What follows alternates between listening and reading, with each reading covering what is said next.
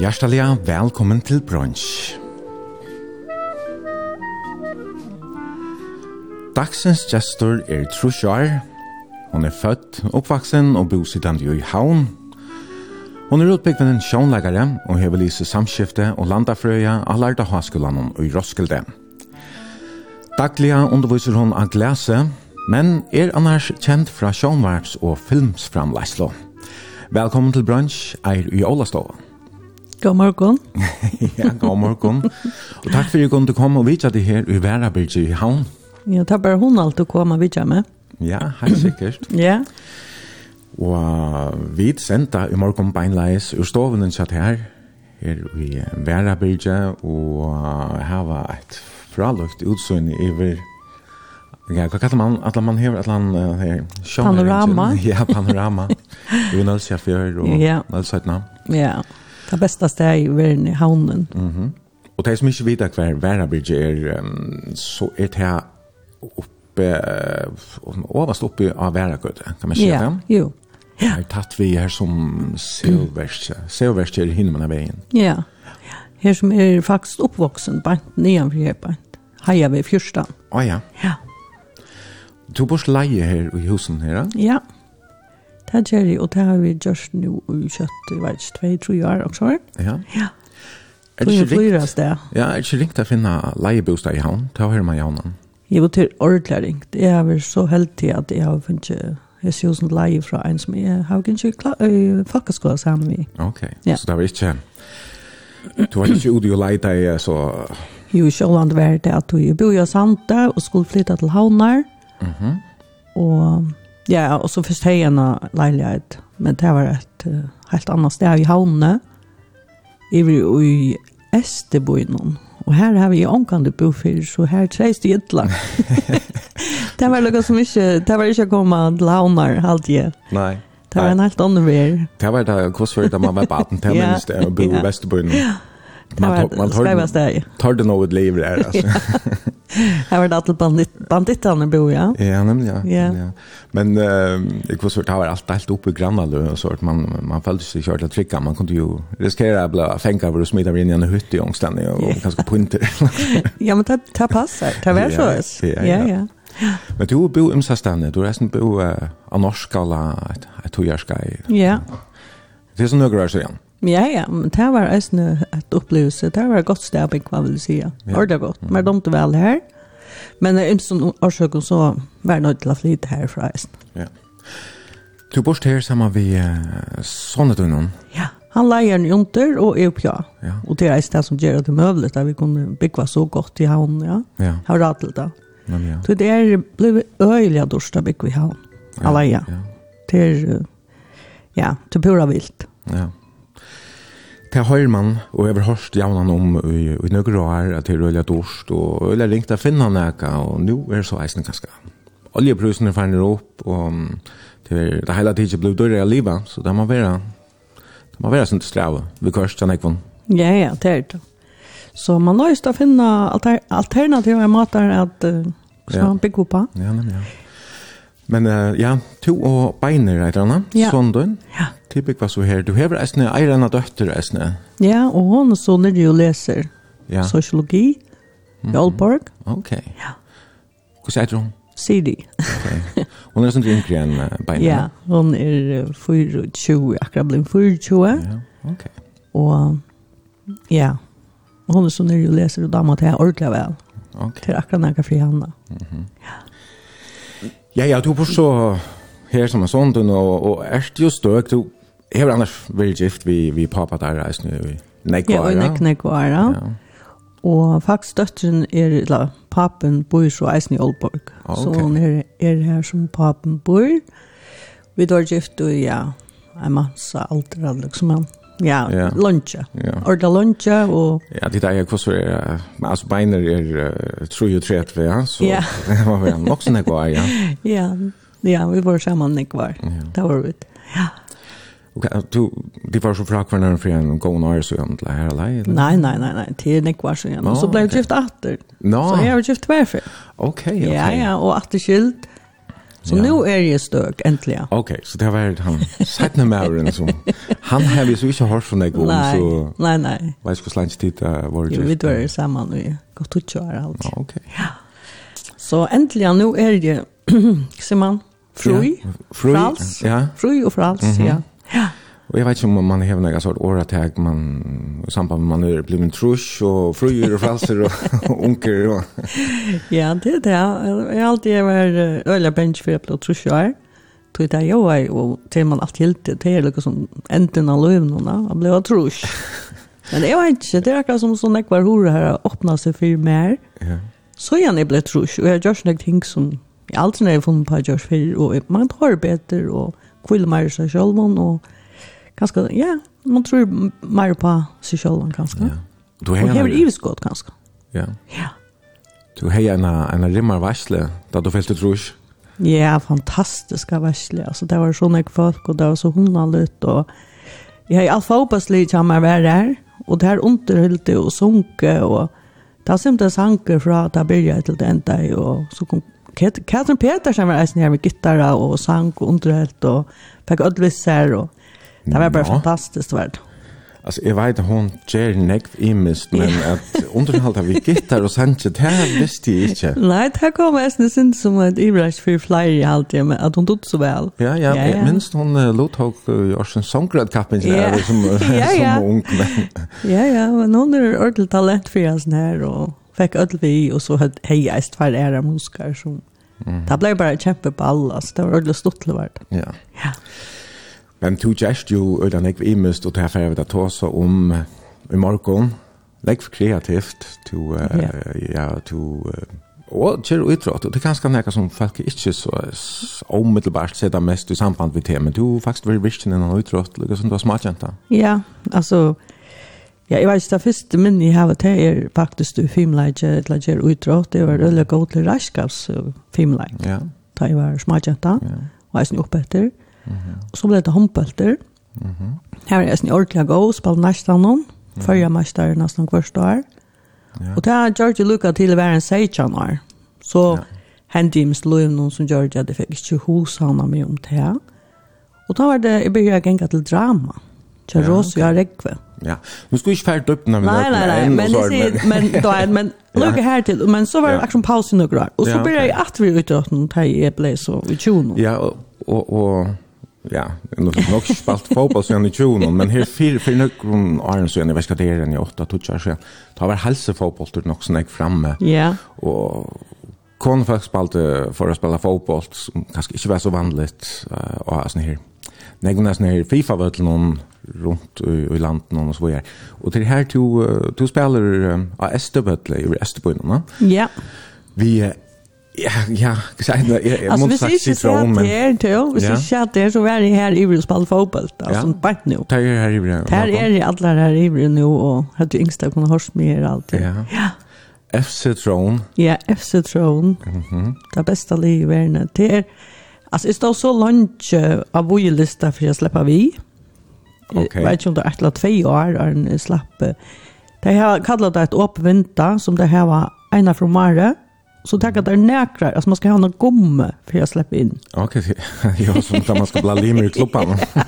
det går på samma princip nästan. Och så släpper man Lukas man runt där vänja och en fem fer, färger, sex fer, ett eller annat. Mycket ordentligt. Men Så ska man tacka stöv till om man vill betala limagjalt och vara limer okay. och vi fortsätta. Ja. Så det kommer alla till näkra nutchar men inte övervältande kvar. Nej, okej. Okay. Och det är annan än fotbollstid av färdastejsning och sådant? Där. Ja, Anna kvarst år för vi åtta land och spelar landstist. ja, ja, men det, vi tar akkurat i Paris. Mhm, mm ja, i sommar. Ja, och spalt eh, mot en lie här i i Paris. Okej. Ja, ja, ett litet lån. Och kost Jack. To vid Ja, så du vet. Ja, vi ser ja, vi ser ja att vi spalte förra det stör, vunnit tvär och tappte tvär. Okej. Ja. Och där ser jag Och där ser jag att vänner jag inte att han snutt jag så blev vi skulle bli vi spela till där som vunnit han sista diskarna. Han säger bara ta samla om mal malurstøkna. Hon är synd att Maja att hem så tär vunna. Och jag lägger alla Disney samman. Ja, det är han snutte. Mm. Ja, men det är jag som dit hon hade kom. Vi kvar svär. Ja, det gör vi. FC Tron. Ja, och vi tar ästen vi vi en sändning eller kommer vi en sändning på BBC. Mhm. Mm Flera ja. som över vi från början, ja. Till att ja. Tär så blev kanna jag där så hälsofröjsliga som man säger vi plåtröst och beinagrind, og jeg vet ikke akkurat alle Så okay. kanningene som det har vi ikke hørt. Men det, det kommer så en sending om et år halvtid, okay. BBC. Annars, uh, så er jeg halte at du nevnte jeg sin firma at du pleier å dippa ankt du. Ja. Um, pleier du eisen kjell her leia morgen eller hva så? Ja, ja, ankt du er ferdig, altså først av en i fotball, og så dippa at han. Ok, og annars mitt i vik eisen? Ja, i røyne jeg ferdig hver morgon. Och kvar först då om man i Höjvitsla. Är ju Santager. Okej. Alltså nu. Ja. Um, var uh, sommar och häste och så ångt du meter ner upp i Höjvik där i Växjö så kälta. Ja. Ja, okej. Okay. Tog det här ju ordentligt möjliga skifta här ute i Santager. Att det är ett näst och så man till till något så invecklat. Men er det näck varandra som plejer mötas där? Om matnader? Ja, ja, här så rannig var som dippan nu. Och så man fallt ja. Är det snä? Når kan man folk? Halte mannfolk er mer oppe i Høyvik. Ok. Det er som er det. Men ja. det er av få mannfolk som dypper mot til kvinner. Det er slukkende menn. Jeg har hørt også om at onker dypper ned til å bli høyvøk. Ja, ja, ja. Tidspunkt av de morgenene. Det er så mye, vet du, at jeg har jo onker det er sånn for ned til å bli Ta det vid bøla mist. ja, ok. Bara. Det är alltså det är ju en läck nemmare. Ja. Och läck det var läckare som man säger att göra det här, men man må ikke kjelke det som ganger fram fram i, ja. Hvis det ikke er mer, så råkner vi at det er en gøla på sju tog. Ja, det er ikke det som ganger fram fram i. Nei, ikke gå sex om morgenen, eller tjej i morgenen, altså jeg ångte vel nærkjen ta, bare ta. Ja, ja, men vi sitter kvoss vi her i klæven i morgen. Vera Birgit. Ja, akkurat kom du glæger. Ja, ja, vi får prata om mengt og kvæt, eisne i mest anna, du gjør det kreativt, bei maler og spiller sjånlag, skriver ischingar, sangtekster, og så synger du eisen i kåre. Ja, det har vi jo gjort uh, nok så nekve. Ja, var synger i kåre. Ja. Men uh, ja, nu har vi akkurat meldt meg kåre ute av glaset, men jeg vet ikke om jeg slipper vi, om jeg synger noe godt, altså. Han var stränker. Ok. Men i halte det där, jo jo. Skulle det upptäcka runt eller? Nei, ikke ordentlig, men han, han lukket som her og så har han sortering kalt jag lukkar shoulder. Okay. Ja. Fattelig bare kjent, jeg vet ikke. du så ikke valgt uh, nega kålversk til sendingen i morgen, men du har valgt uh, nega sanger, og ja, det er sinde blanda. Jo, da. Einer er enere sinde kår, det er flott kår. Ja, också då Queen eller yeah. ja, jo jo. Tog jag sig att jag där en av de första plattorna köpte i över. Mhm. Mm och jag minns jag platte att träna med ta i spalt om kvällarna inne i kammaren som är. Jag syns alla så rötterna det helt så där flott. Okej. Okay. Ja. Som är ju korn och jag sån ranchen mm -hmm. och det tog jag allt annat. Spel du annars några jobb för eller? Nej, tog jag värre. Jag prövar runt och spela klaver och gitarr och alt möjligt, men jag tycker jag visste skulle ha spalt. Så skulle det nog bli trummor. Ja. Det är nog här jag mest ävnen till. Mm, ja. ja. Ja. Men det då ju helt. Nei, men jag kunde gott ömenta mig här. Att ja, ja, er nok trommespiller til ja. det Ja, helst. Ja. Men du så valde at vi skulle börja vid Queen. Ja. Og ja, nu nevnte du at du platt at öva seg her røttene, stemmene. Men annars er Queen en bøsker som du lustade dig etter som ung? Eller? Ja, ja, det var det var det, det beste, altså, det er en periode til men ungdomme, det var kvinn. Ja. Det var jo fantastisk, ja. Ja, det er jo virkner enn yeah. sammenvidesen her. Adam Lambert, amerikanske sanger, som eisne rikker øyla vel. Ja. Han er, er ikke loika som, som uh, Freddie Mercury, ja, Nei. men han er han er eisen. Han slå han, han, han var något särskilt, ja. Han är eisen en sån lead forward typ typ ja. man sier Adam Lambert. Der hørt spalt jo i Chapman han her fyra. Det er ikke lenge siden jeg hadde konsert i Danmark. Ja, ja. Mhm. Mm ja, fantastiskt. som filmer som kom ut om der. Ja. Noen år siden, ja. Mhm. Mm Vad är snurrliga går alltid. Annars så kom en uh, spilte nog ju sanker eller att jag säger spelat några sankar vi Queen vi Freddie Mercury som sankar ja, i uh, vekna kom ut men han hade tiden upp i 8 fors halvtid där. Mhm. Mm alltså ich kom ut nu han blev räkare till uh, så platna The Miracle. Okej. Okay. Jag har hört den inte du nämnde det också ja, där. Ja, faktiskt ja. slash Sugarlen alltså okay. inte inte att att så han är kanske inte hit potential men uh, Men uh, et godt le, og det er jo uh, fantastisk å høre røttene til Freddie Mercury etter, synes jeg, en, en sang mm. man ikke har hørt før. Så. Ja. Men hendene her har vi nok hørt før, og vi får høre en annen fra treet, og vånende nekva fra treet i fremtiden, det, det er jo en god sanker. Og annars så kan jeg nevne at vi uh, sender altså beinleis i morgen, og til som lort der er velkommen at sende noen spørninger, vi merker ikke til helsen av 23.00, Illa av Facebook-søgnet til brunch stavast B-R-O-N-S-J. Her har vi kvinn, vi sanns noen Somebody to Love.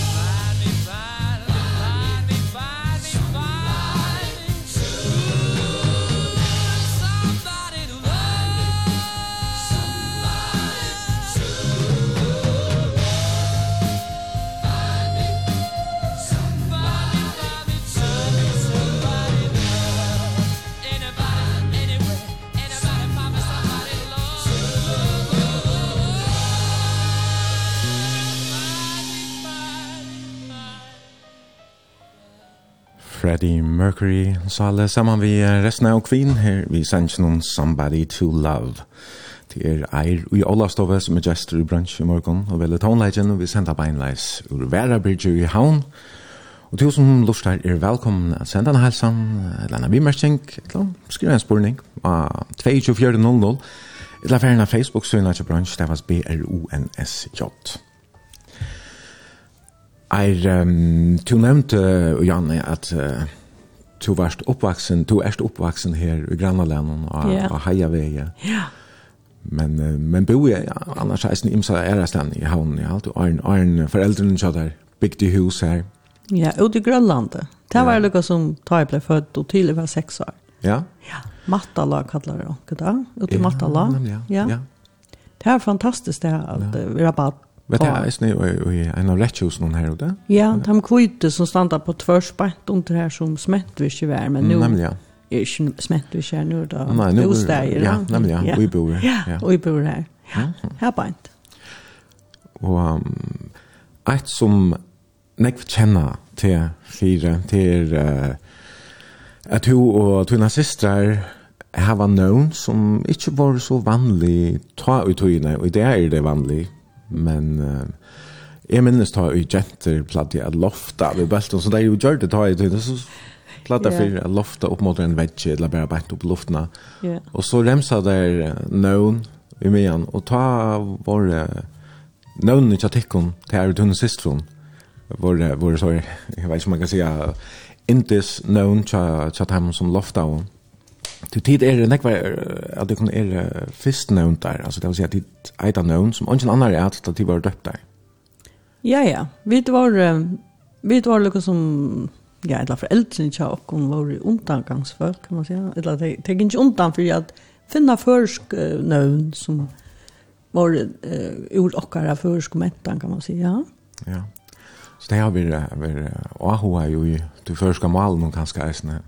Ja, ja, det er bare tvei, og papen min, han var særlig avhover i de norrländske, norrländske godalærene. Så var og er, er nøvn fra norrländske godalærene. Ok. Som er, der var godinner, mm -hmm. boar. Mitt navn, det er, hun var lakna godinner. Er. Ok, ja. Og jeg som hun ikke fortalte om mitt navn, kom det av tog at da jeg ble født, så var jeg så øyelig sjuk at la tog inn at det første årene i livet. Jeg er alltid sjuk og innløgt og så gjøre. Jeg ble snu operera, vi hørste også, men jeg var ikke ordentlig. Og tog fikk jeg så et navn til jeg var så sjuk. Okay. Så lukket som fyrir at en venter angel ganske i mer. Ja. ja. Så du var, var ganske sjuk langt da du var født? Altså, okay, ja, oppbart. Altså, ja. Arne er blind doktest. Ja, ja, ja. Det har så funnet fortalt, men om det er en søva som det har gjort 18 år, det vet jeg ikke. ja. tid uh, våre fem systrar. Ja. Ehm um, elsta var hon hon døde til verden brottlig ja. for kvart halvnørna eller nesten tvei måneder siden. Ja, nemlig nesten två år siden langt tøyne begynte kjøtt. Og det er en øyelig sakner i alle familiene at hun får, tog hun hei lukka som uttidja i sin Badenheim tjokken, kjøpta, og alle, som man sier, alt, alle familjen samleist alltid her heima tjokken, tog jeg at omståndene var til det her på en. Og hun kort lykke som teatertradisjoner, familietradisjoner, vi gjør det. Mm -hmm. Jeg stod og apert, og følte jeg sin stod og apert. Hun visste alltid hvor jeg føringer det, og følte vi, og var alltid henne man ringte til hvis man skulle skrive okkur, så jeg at hun tog så vel først. Ja. Og ikke bare det, hun var bare i brøver, øyla klok, altså gløgg, ja. kvinna. Så hon hei lukka som leikloten som høvdinger, kan man si, i familien, ja. Jeg synes jeg vi maler noen her, i vil tidsje fra foreldrene. Ja, fra foreldrene. Så hun har en stor leiklod, og eisen politisk, hun var gløende kjølskaper sinne. Ja. Det var hun eisene, og per i høver var hun en, ja, hva sier man, altså, som er folk, da det er færre, så, så stendte det størst tomrum etter, ja. Mm -hmm. Det er jo så og så. Ja eisne för alt det som hun omboe omboe i eisne. Ja. Och eisne som lärare ser väl om alltså omtökt Ja. ja. Om du står sett nu. Ja, det sist men nog eisne lenge var på Høytlån. Ja. Och en kommer og sier se jag vem går skott över Rihanna och går så väl hon tok seg out time og och ja, hun har ju go owner innanför det. Ja. Alltså jag människor. Det är ju. Så tid har vi starfsfällare sikkert på et eller annat tidspunkt tog jo undervist i glas i Essen. Jo. I Heideln. Men, men hon var akkurat färdig när jag kom ner. Ok. Okay. Heidelar, då var hon faktiskt färdig ut av Froska Persell. Så jag hade, hade inte vidare till ett nästan vidare vid det samma steg samtidigt. Nei. Men var var altså eldst? Ja, var var äldst och och var alltså äldst på alla matar på tammatarna att hon tog till apeln av sig att vara den äldsta. Mm. Det första minnet jag har till äldst samma vi var. Mm Ta det var också av oss så så var det hon som tog sig av mig. Det var lilla syster då. Ja. Och neste röjne er Salja. Ja, så är Salja som är mitten där och hon är så Eisne, det är det är bara ett år mellan här på år. Okej. Så det här var ju alltid samman. Det var ju faktiskt nästan en slav av tvåbörn kan man säga. Ja. Så här som var bara så vi, vi tar filst allt som bara nu är det inte utanför det det var det yngre. Mhm. Og det eneste jeg var ordentlig samtale om, det er at vi er imot mer. Hva snakker jeg med til det å selge? Så tror jeg med til meg å selge. Ok, ja. Fyra med til meg var med. Ja. Jeg har hatt imiska viner sort her til vi bodde Grønland, men... Yeah. Du är för alltid ont om mig. Jag slapp inte vid time. Nej, Nej. du är väldigt lycka för. Du är inte för sorg av standard här. Ja, ja. Och så var det så för källa och helt det här tog du kanskje være ofta sjuk, og så Nemlig, fikk du kanskje ja. nekke oppmerksomhet. Nok tog, og ja. eisen tog, at her skulle sånn skje, det var strengt, og, og, og ønsken at han ville sove, og jeg slapp å gjenge opp og lukke til sånne. det har vi uh, sjelda snakk om. ja. Men så har du eisen tver yngre systrar, to er altså milinger, ja. mitt og jeg og fem, Um, og så er, Systrom, ja. så er nøkker år Dinka nøkker og er du fikk han og lytla systra? Ja. Hvor lenge er det? Seks år. Det er seks år med medrås. Altså hun fra Nuttjold jeg. Nei, Nuttjold Trus mener jeg. Ja. Og er fra, ja, det er faktisk tjejer på tammatene. Ja. Ja. Er fra tvei tror jeg. Ja. Ok. Jeg minns tjejer, ja. Jeg helt av seks og tjejer, men Ja, ja. Så dros fra Nuttjold Trus. Det her har vært så mye store aldersmåner at hit, ja, kanskje ikke har haft... Uh, ja, jag har inte haft något fela, men men inte vi vinkoner som så eller filst og så. Altså, jo, på en måte er det nok så spesielt at, ja. at, att det har øyelig tatt uh, samband vid här på år och mm -hmm. som vinkoner faktiskt är tror jag att alltså är och Tros var ett er humint mot finsällskap. Vi bor uh, att samman. sammen. Ok.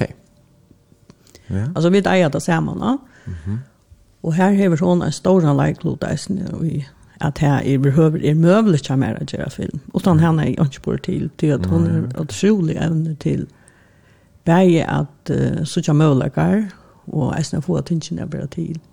Kvar är ganska också att där fram kan det gänka. Men är var i huskotten, ja. Ja. alltså är hon som är ute i administrativa... Ja, hon är administrator. Ja. ja. Okay. Och säger vi mig, ja men det görs du bara. Och sparskar till mun där ja. allt det där ständer fullständigt. Ja. Mm -hmm. Jag är rätt med fastan och så är det, så är det.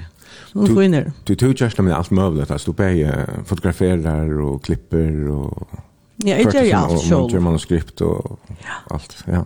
Ja, ja, jag gör ju allt själv. Och till ofta när man får ett fantastiskt hosgått och så vet man, åh, oh, jag ska ut och filma det, jag ska ut och klippa det. Och så Kanskje man stekker opp at man vet hva for kjempe arbeidet til er, og eisen penikalia, av hoa, etter her til en film. Ja, ta er det godt å ha henne, at jeg Ja, så ikke jeg henne, så jeg ikke blir tillatt.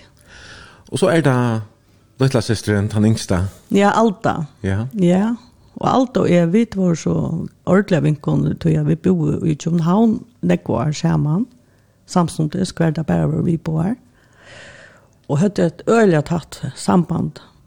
Mm -hmm. Alt det i åren, ja. Ja. Og, og her var det inn. Ja, ja. Men alt det er sånn, hun er lytla syster, og hun er, det er noe særlig til den som er yngst, da. Ja.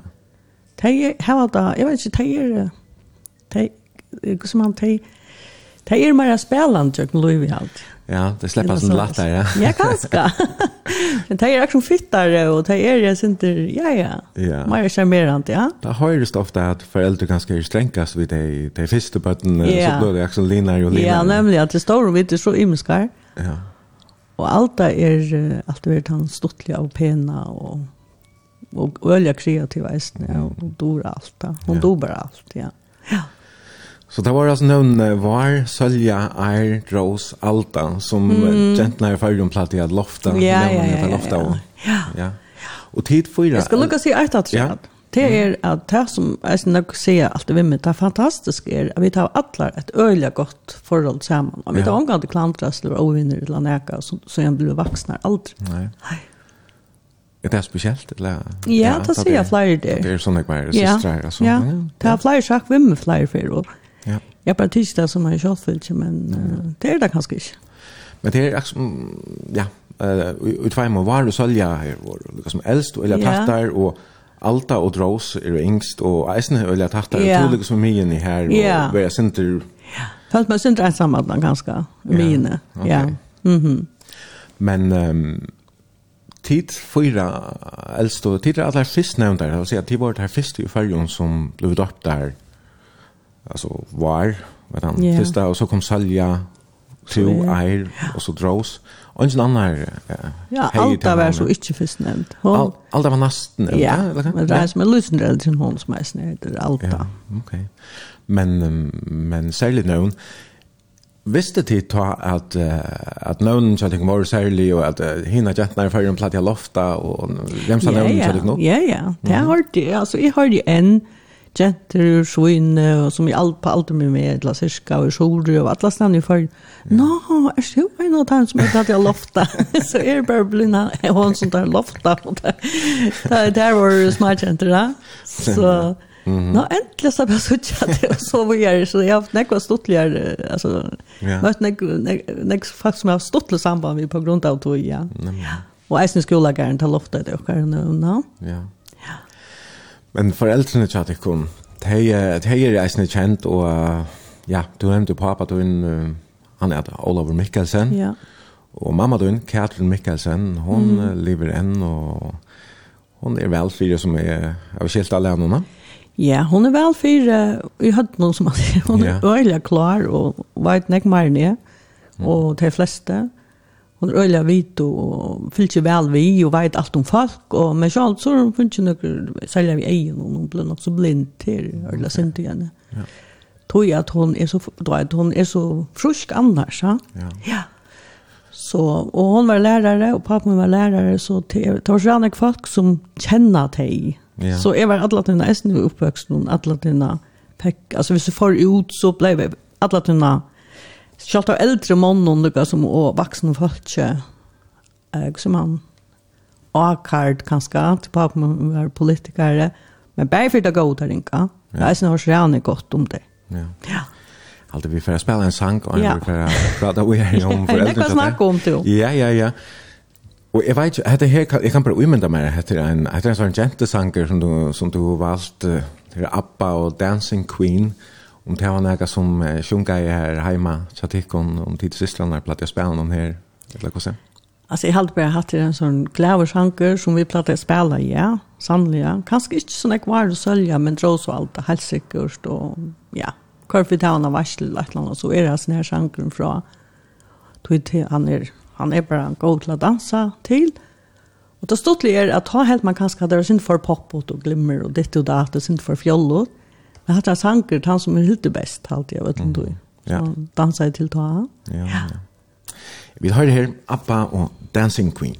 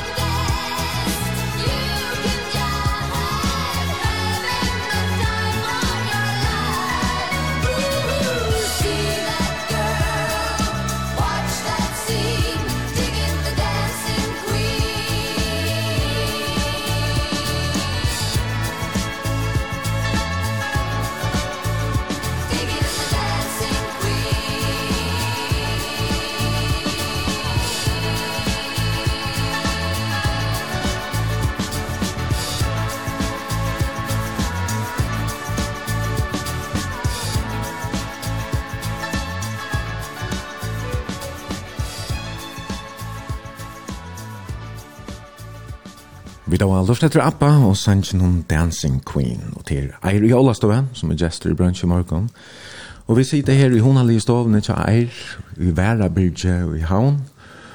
Og senda beinleis du som lort her velkommen at uh, senda okna vi merskjeng en helsan eller okna spurning at 2400 eller Facebook-synet til brunch. Og um, ja, hvis vi kanskje skulle greie sånn fra hvordan uh, det ser ut her inne og så er så er det en jøsstove her, nek vindeie, vi har godt utsøgne, sitte og hitje ut iver, suttje ut av et gliversnes, og vi suttje iver en løsøytene, og en skalafjøren næsene, suttje alle med noen rundt her, og, og så er det annars, det er en jøsstove her vi, kvitt om loften, kvitt om vekken, og jøs, eh, gulv, eisne, og her er nok slik målninger av vetsnån, og vi suttje at det er, til tusen med å male, nekk var det Gås vi henger en stor atan for det her stender er 22, 21 halde stender her, så er det rimelig nødt Ja, ja. Og her er her er jo til Malle Hinnar, er det Ja, sånn her er det gongt, han er sliver. Ja, sånn her... Uh, er mange der, det rundt Petty, ja. Ja, riktig at greia fra utvarp, because jeg er måling ser ut, men han ser øyla spennende ut. Ja. Uh, Men her er så størst kvitt hål i mine, her mangler kanskje akkurat det der. Ja, at det er, ja. At her er det som spennende som får hente. Hva kommer ur av seg her? Ja. Figuren noen her, ja. Men ja, og så er det jo som at det er en kvinnefigur. Ja, som er via fua. Ja, å ja. Ja, det er en måndag som vi er ferdig å gjøre til en av vinkene kommer. Ja. Ja. ja. Annars vil jeg finne lekkert vinerbrei og godt brei i morgen og kaffe. Jeg vet ikke om du vil kjøpt i morgen, eller hva, hva du vil? Jo, jo, jeg vil kjøpt, jeg får ut av kjøpt i morgen. Jeg vil ikke bæka selv. Nei, nei. Men, jeg er ikke en, som døsten sier, en kakemamma. jeg bare sier rævlig selv om kak. Ikke du i do vel, men jeg gjør det ikke. Nei. Nei, helt ikke. inte. Jag det. bara. Jag stor. Nei, men uh, hva svär har vi da? Jag vill hon allt här i uh, stovne. Så det her er Vera Bridge. Og jeg har pratet sånn om systrarna her, der, som uh, jo uh, er kjent der kring Atlanta. Og om man känner personlig, så kjenner man det av um, navnet. Ja, helt sikkert. Foreldrene så der, de uh, är det och kjent kända, kända, kända, kända, kända, kända, kända, du ja. börjar prata sånt om för det är sånt om om pappa. Ja. Hver var han hver han var han. Han var Ørvinger, altså han var Sjore. Ja, Ørvinger til här Öravik. Öravik, ja. Ja, mm -hmm. och han uh, fäste faktiskt Ollastov i Ørvinger, og at jeg ser at vi har bønt her, men fikk ikke arbeid som lærer, Han var nästan uppe lærere, lärare och tvørere at att det är lærere. tvärare. Han att jag bara lärare och så röja fester ja. samstundes. Ja. Og mamma faktisk eisen, ja. Eller hon, ja, de är bäge, til det men de fikk så skarpa, ja. Så de är eller hon flotte først, vi var som tar var född, och blev vikar i Kalbak i ett år. Ja, og mamma din, hon er nemlig ur Kallbakk. Hon er ur Kallbakk, ja. ja. Katrin Mikkelsen. Katrin Mikkelsen, nye er sjølgøren Kallbakk. Ja, ja. Vi er nok, vi er mange som har haft henne som, som føres lærere i ja. kommunskolen. Ja, så, ja. ja jeg har haft henne som lærere i Søve. Ja, ok. Det er å si at, at hun er min beste søvlærer nærkant og i tid. En trolig vitan som hun heier og enn hever. Ja. Så er jo selv om hun begynte å glemme okkurs, men... Ja talar ju inte mest till något öljarna kom greska så över och ja. allt det här. Men te ja kvar kvar kvar från te samman alltså han var röra var hon ur Kalpak. Det var ju lenge det avstand til ta. Du skulle sikla hvis du skulle til Kalbak, og det skulle du sannelig eisen hvis du skulle til Løravika. Det hittes da lærerskolen. Okay. Halvtid til å ta, jo jo. Ja, ja, ja. Vet ikke om det hittes da, det tykker vi ikke, men Her, mamma, hon har bare ikke kjent av flokk. Oh, ja. Og får så at henne i havn som har gjort det ta. Mm. Og fikk som möjlighet til affärer av lärarskor och sättning. Men hon var helt ung då hon... jeg hade hun var liv som lærer, som en år gammal, lite lagt short, litt lengre, jeg vet ikke, Hon var helt ung då hun ble liv. Och det hittade så här. Det kan inte flott sammen lärarskor. Ja. Samma vi nekon gång folk som är välkända i det förska samfunnet, och de har gott samband än. Jag har alltid mötas ena från året, han flokkeren. Mm. Ja. Okej. Okay. Så onker jo jo til flere fattelen fra, men, och, men de mötas den. Det halt, ja. ja. ja. Så tej att låta ta att uh, blev lärare i Sori, att förra skolan. Ja, att förra skolan. Det så så hade fortalt mig. Mm. Men fick ju inte se att hej av politisk grund på arbete, tog det var chose folk och talade om jaunar fast som blev sett det här.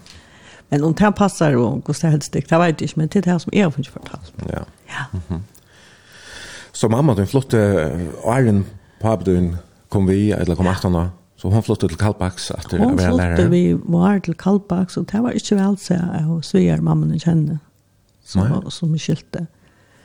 Men han valde så att flytta vi och säga fäste fra sig och en yngre badgen i uttag. Det var två badger i uttag som gären. Och han blev vikar och, och det var inte för 100 procent att han blev vikar i Kvivik. Okej. Okay.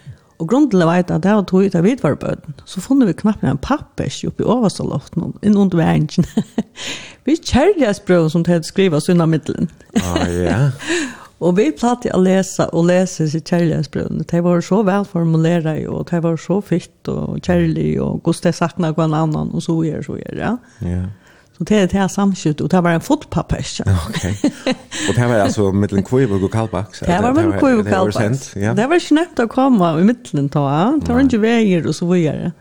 Så det måtte man genka, och det är säkert inte vi ser man kvar stod gikk skiftet eller ta det jeg fru i som man kan nu.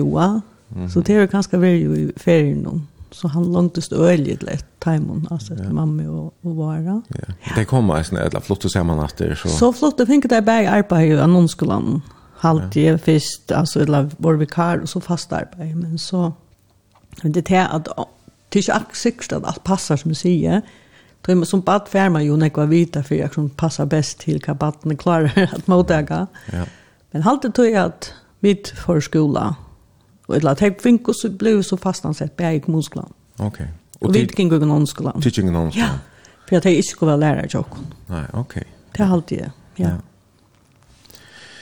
Och ta ta var det så att tid uh, flott till Havnar och och bo i Leje. Ja, Imsastan i jag har så bara bara bo i Grönland och så ta i husen jag kommer Leo.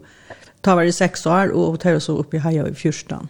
Mhm. Mm ja men ehm ja, jeg, jeg hørte jeg sendte en sending her mamma tog og tog vår uh, en sending til Bergjord. Ja, mamma min og er. Mamma min og er, ja. nemlig, ja. Her, uh, hon fortalte jeg sender mamma din om at du er en rettelig råkelig småjenta. Mhm. Du husker jeg sender at du nevnte det her, at du skulle nok heste vid trommeslåere. Ja, det er sikkert godt passa. ja, det passar. ja. At du, ja, jeg var fått, tror. Ja, men de ytler var inne. Jeg får ut så kjøtt som vakna i morgenen og rann ut i Atlanta. Og var ringa for inn i sånka i sånn kvölde. Mm. Og systeren var kjent der ut og leit etter meg, og onkel ble jo eisen smidd inn og horen atter, og en av faksla la fingren kommer i middelen. Så jeg måtte miste den her fingren her, på grund okay. av at jeg smekka inn og sånn tonka utor til at endelig jeg finner meg inna. Ja. De vil ikke inn heller som kvöld. Så jeg var et ordentlig ute på utopaden, det var det. Og det er igjen faktisk, men det er den beste å være ute, ja bedre enn jeg var inne. Ja. ja. Du har en ekva viner, greit, mamma du nesten fra. Ja, det er alle tøyene, Så Imenska viner, i ødelen alt, jeg er snill halvtid, så som jeg minns da. Ja. Og et som er Marsta Restor, henne kjenner han ikke, ja. vi har henne, ja. som er sin treltjende, hun teiper jo bare til søgne, Trygg ved Restor, for han var god på min. Han som spalt trommer i gokken, ja. Ja, og Fairboys på et tøyspunkt. ja, nemlig han, mm -hmm. og han kjørte resten av badene. Ja. Så det var et stortligt kvarter vi bo i, men hun var så sint eldre enn jeg var onkel barn jenta. Hon säger här för mött mig så säger hon, är vars kvätt, ta två baden. Du borde jo haft ett sånt klippkors, det ska såna. Du är värn också ofta när jag ska göra Jeg var fly from mine, för jag ser tack som det är. ok. Tog jag och tog jeg var allan ute och klattrade och George Asmon som var farlig da, så enda jeg snitt ofta när jag ska göra Ja. Det gjør George. Mm. Ja. Kan du näga helt allvarsligt. Alltså, Ja, alltså jo, mund minst en finger och ja och men om kan det bröt den här bein eller arm och så det har vi ofta undrar mig. Inte så det men okej. Har tål hötten och så det har vi. Mhm. Ja.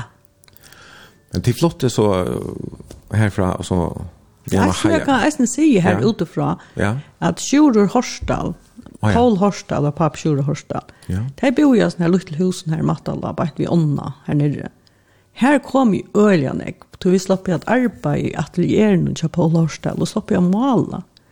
Så vi hadde, jeg er langt med den første lista fram som det var fyra år. Okay. Så det var et godt kvarter å vekse opp i. Helt sikkert. Og heter fremsynsene her, og i atelieren og Johanen? Yes. Ja? ja, ja, og her kom nek folk, og minst det selte for, selte akkurat tekninger som vi ja. jo kjøret gjørst.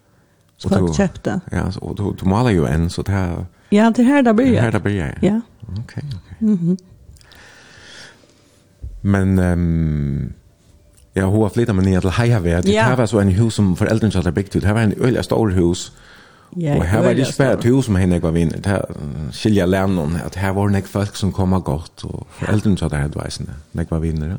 Ja, ja, ja. Alltså, jag minns min uppväxter och säljer på vi- Att det har alltid varit så rävlig folk inne, inne i tjocken. Ja?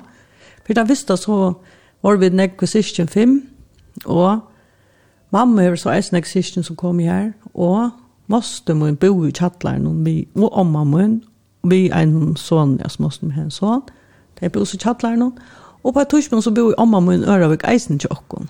Så vi var det, og så hadde vi et arbeidskjent i eisen, ja. ja. Og så hadde jeg så arbeidskjent når ofte han sjeikar og så var jeg som eisen var inne i tjokken, pluss da vi tatt så vinner inne nekk inne i tjokken eisen, ja Så det var en øyelig råka litt heim på tammatene, at det var øyelig nek folk. Og så kom folk eisen jeg bygd i Sjore og så videre. Og pappa min sa at bor i Rannon. Og her var ofte folk som kom til førjer ur Kina, og han er uslenska viner. Og... Så min oppvokst var vi alltid lykka nek folk rundt om meg. Jeg vil skulle og fra, faktisk fra alle verden. Ja. Ja pappa han um, Olavur Mikkelsen, yeah. han var jag sa i kommunen och han var äsne Blastjöre. Ja, av 14 dag Av 14 dag. Ja. Med landa Og... 1 september. Ja. ja. Och äsne nøkker av första minnen i havet, det var att vi var nere 14 og och falsa. Jag vet inte om folk vet hva det er, men det vi lödde bläis hemman, alltså det blev ju kom folta i en liksom en I flere stikken, så skulle man liksom samla det sammen til disse visene som så kom ut da. Ja, ja, ja. Så det første arbeidet jeg hadde, det var falsa i første, og det var en seks år alt. Jeg begynte å arbeide her. Ja. Og her var alltid rann ikke folk, eisene. Folk som man så så igjen, altså de skar P kom her, og Leivor Hansen, Burranon, som så, altså ble borgerskjøret, Som arbeidet her, altså. Sigur, Jan Sigur, eisen i alt, ja. Ja Halt jeg kjenner herfra. Men det går så rann folk som jeg har møtt sættene da jeg har arbeidet i min leim og følgjene. Ja, som skriver og til fyrsten. Skriver i fyrsten da, ja. Ja, ja. Har alltid lov og jeg snitt her nere, ja. Så, og tenk om hjem til åkken og det sted ja. Ja. Ja. Var papp din var han rithundre, skriver han her? Ja, han skriver jeg snitt, han var ikke kjær, han var ikke kjær, han var ikke kjær, og skolabøker. Og eisen en av bok vi stått og hever han eisen kjær ut, ja. Okay. Og han ja, og så Jens Pauli Heinesen, og han var jo Ja, der var vi med. Ungdomsvinner, ja. Ja, ok. Og Tonkla Thomas, Thomas Napoleon Djurus, der trutjer var en sånn klika som yrste sammen og mot kvernøren og Ja. ja, fyrir kvernøren og, og så var jeg og gav kvernøren kritikk og så läsa. Ja. Mm. Så det var ofta vi tjau, hjemme til Det var nekko vi tjokken, ja. ja. Särskilt at jeg var helt unga. Ja. Tonkla Thomas, alltså Thomas Napoleon Juros, han tar ju ens en brottliga i bästa åren. Ja, det var en öjlig, öjlig misser alltså för jag kunde öll. Alltså, det var en öjlig misser. Han var fast i gestra hemma i Tjockon. Och jag vet inte, jag halte han var god på min nästan. Jag halte det. Men jag helt skulle alltid han var god på min. Ja. Og jeg som er nekk heima til Taimon, han åtte en stor ikke, Anders, Anders Andbløven, under en sånn trappe som jeg bare alltid har sitt under trappen og lese Anders Andbløven under Jonon. Men han kom alt ned til okken, eisen om det være, og jeg vet ikke, han høy alltid, altså det var åkker særligt vi om hver jeg framkom, han er alltid nekk var fortelja, han var så stuttlig, og han var bare uh, nekk helt særligt. Så da har vi hørt han døy, og det var fryktelig. Altså, det var så meningsløst. Han døy på en sånn bytte av mat. Han var i ferie, sånn han ferie. Og halte en hopp i en hil som var tomer, et lag så pillbytte. Kanskje, okay. ja. Det var sånn meningsløst døy han fikk. Han bare ja. 43 år. Ja, ja, han var så omkreisen, ja. Men uh, pappa dikker, han ble jo tyverre helt kjærlig gammel. Nei, Det var sånn, det er sorg for pappa da han får, ja. minst han sier at tog inn at han og samla seg man iskinkar tjon, og gata så eisen ut og et iskinkar savn. Ja, ok. Så vi manna. Meini at han døy i 1,5 eh, Tonkla Thomas. Ja. Fyrst i Alfjers nå. Ja, og så pappa nok far at han har. Ja, pappa din døy i tjej halvfjers aldri. Ja, ja, ja. Det som er til. Men han klarer ikke gjøre iskinkar savn ut, så vi manna er Ja. Det er han som står for å samle det. Mye skulle steide på et nå til en sånn stor tjukkbok faktisk, vi ikke kunne tjale Tankla Thomas. Ja. Til Thomas Napoleon Jurus. Men det minns du øyla vel, pappa sier at på loft noen arbeid vi snere samle seg iskinganar og guster og settast opp og det, alt det her arbeid som er vi har gjerne til han. Ja. ja. Men uh, pappa din Olaver, han ble bare 44 år gammel. Han ble bare 44 år, ja. ja. Og det var eisne brottliga at han... Ja, han altså han tar var fra en av løtlen her at han smadde om. Og jeg får at uh, spela utrott når jeg, det var utrott av det her. Skoleutrott av det her? Skoleutrott av det her, ja. Mm. Og vi kjeldte seg sin som teater, han ville ha meg hjelp, jeg gjøre mat, til mamma i føringer det. Han er ikke fri til han at gjøre en gående døra til mamma, til hun fyllte det, ja, 1. mai. Og det mest var det, jeg vokste om at han, at han ble var så ytterlig til ikke ville hjelpe honom, og han var annars alltid en, han dodde øyelig vel å gjøre mat, og Jack høyde på å gjøre gående mat da. Mm. Jeg husker om at han at hvor jeg var større så jeg og kraft opp at jeg skulle være og hjelpe henne. Men jeg måtte så fære at du til stå og boie etter meg nere vøtlen og er han så om han, og gjør det til jeg skulle til her. Jeg vet ikke, sikkert vi igjen tror jeg fyra tiltøkene som jeg skulle til langt av låp, patta av låp og hva alt man gjør da. Håndballt, fotballt eller Ja, ja, ja, jeg var alle sånne. Ja. Og da jeg så kom ned, så møtte jeg bare trappen, og jeg rennende, og det råper, babbe, deier. Og jeg får så inn, og han la så deier av gulven, og Jeg rønte jeg gjør noen konstig antall drott, men jeg følte akkurat koma sin til Louis, han var ikke kaldt, han var ikke, han var akkurat som livande, men man så ikke hun helt der. Ambulansen kom, og de sa at han er deg i beina vi. Altså han er deg i lunsj, eller annet. Okay. Så man, Ja. Det dreier som en sekund fra at han fikk en akkurat og til han var det. Ja. ja. Så han har ikke lagt mest till något särskilt självbetalt. Mm. Och ikke mer hemma akkurat. Och inte mer hemma till luttelötna. så det var så man akkurat sig själv man kanske är att han att man inte att man får om man till det här utsatta där inne. Allt att tog man ekvar för jag för jag mig själv att det får till utsatta där men men så inte det jag jag körs några mån om vi är vi hemmet lite då jag där säger lacknaisen det det var sekunder där det är som måste han är inte nått ut där det är inte kunnat görs något och planen helt nej och to følte sjön det är som to måtte være vi uh, alene och samma vi hinner och to spann. Ja ja, altså, det måtte, man måtte møte opp. Ja.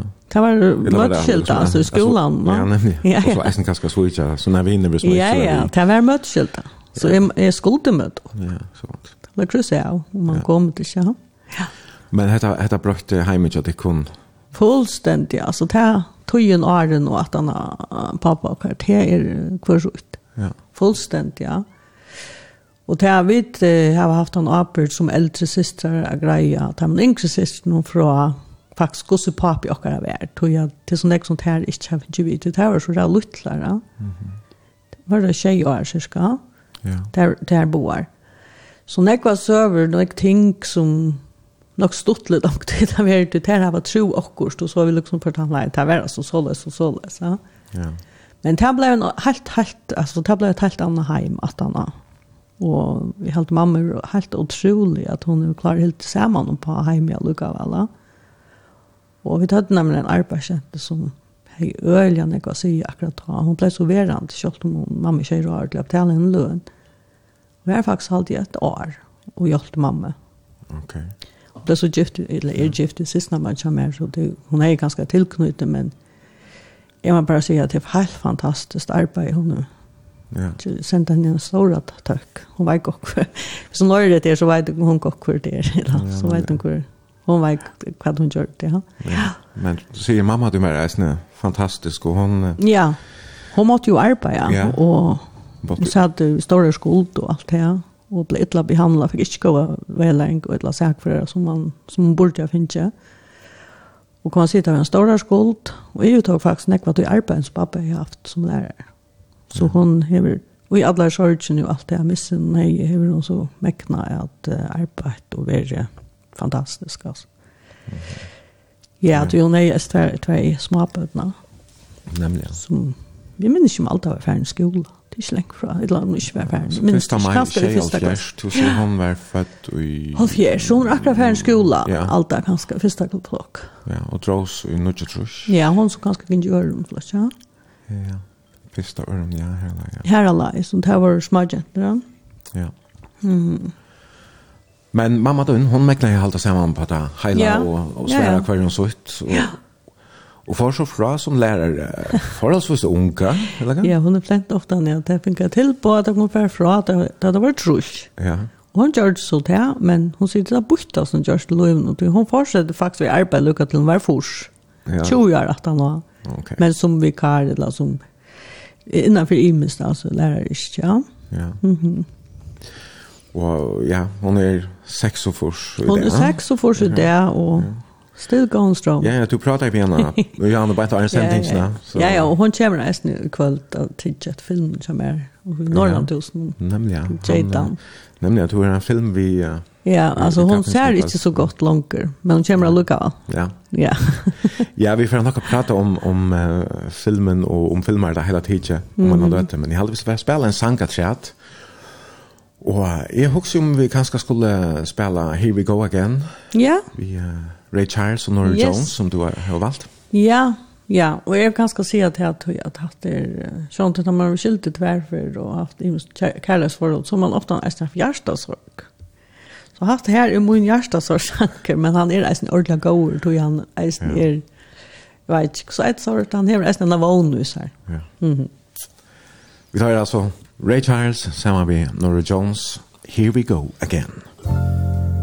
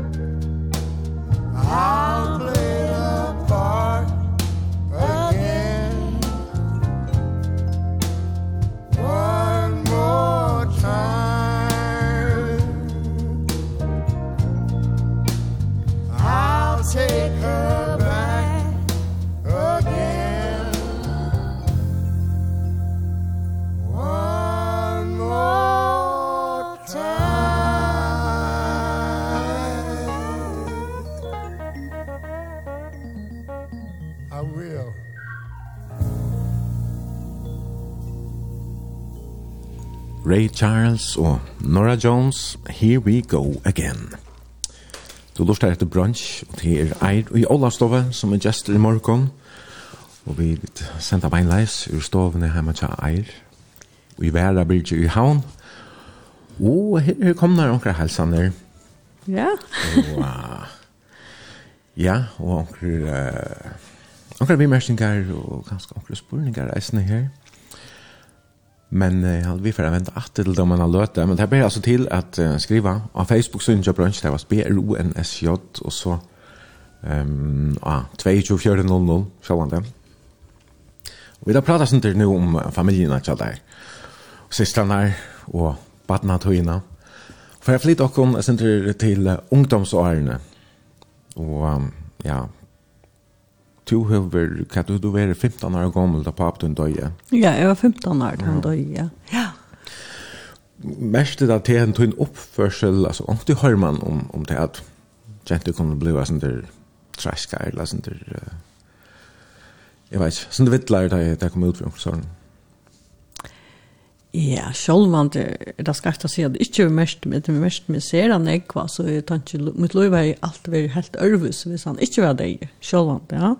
Det tema färjan och sorka ber på som eh fylgjer en resten av løgnen, tykker vi. Mm. Men det som var så, det var også nok som at han var så løy, det var at det første, første tøyen at han var, det som reagerer slik på det.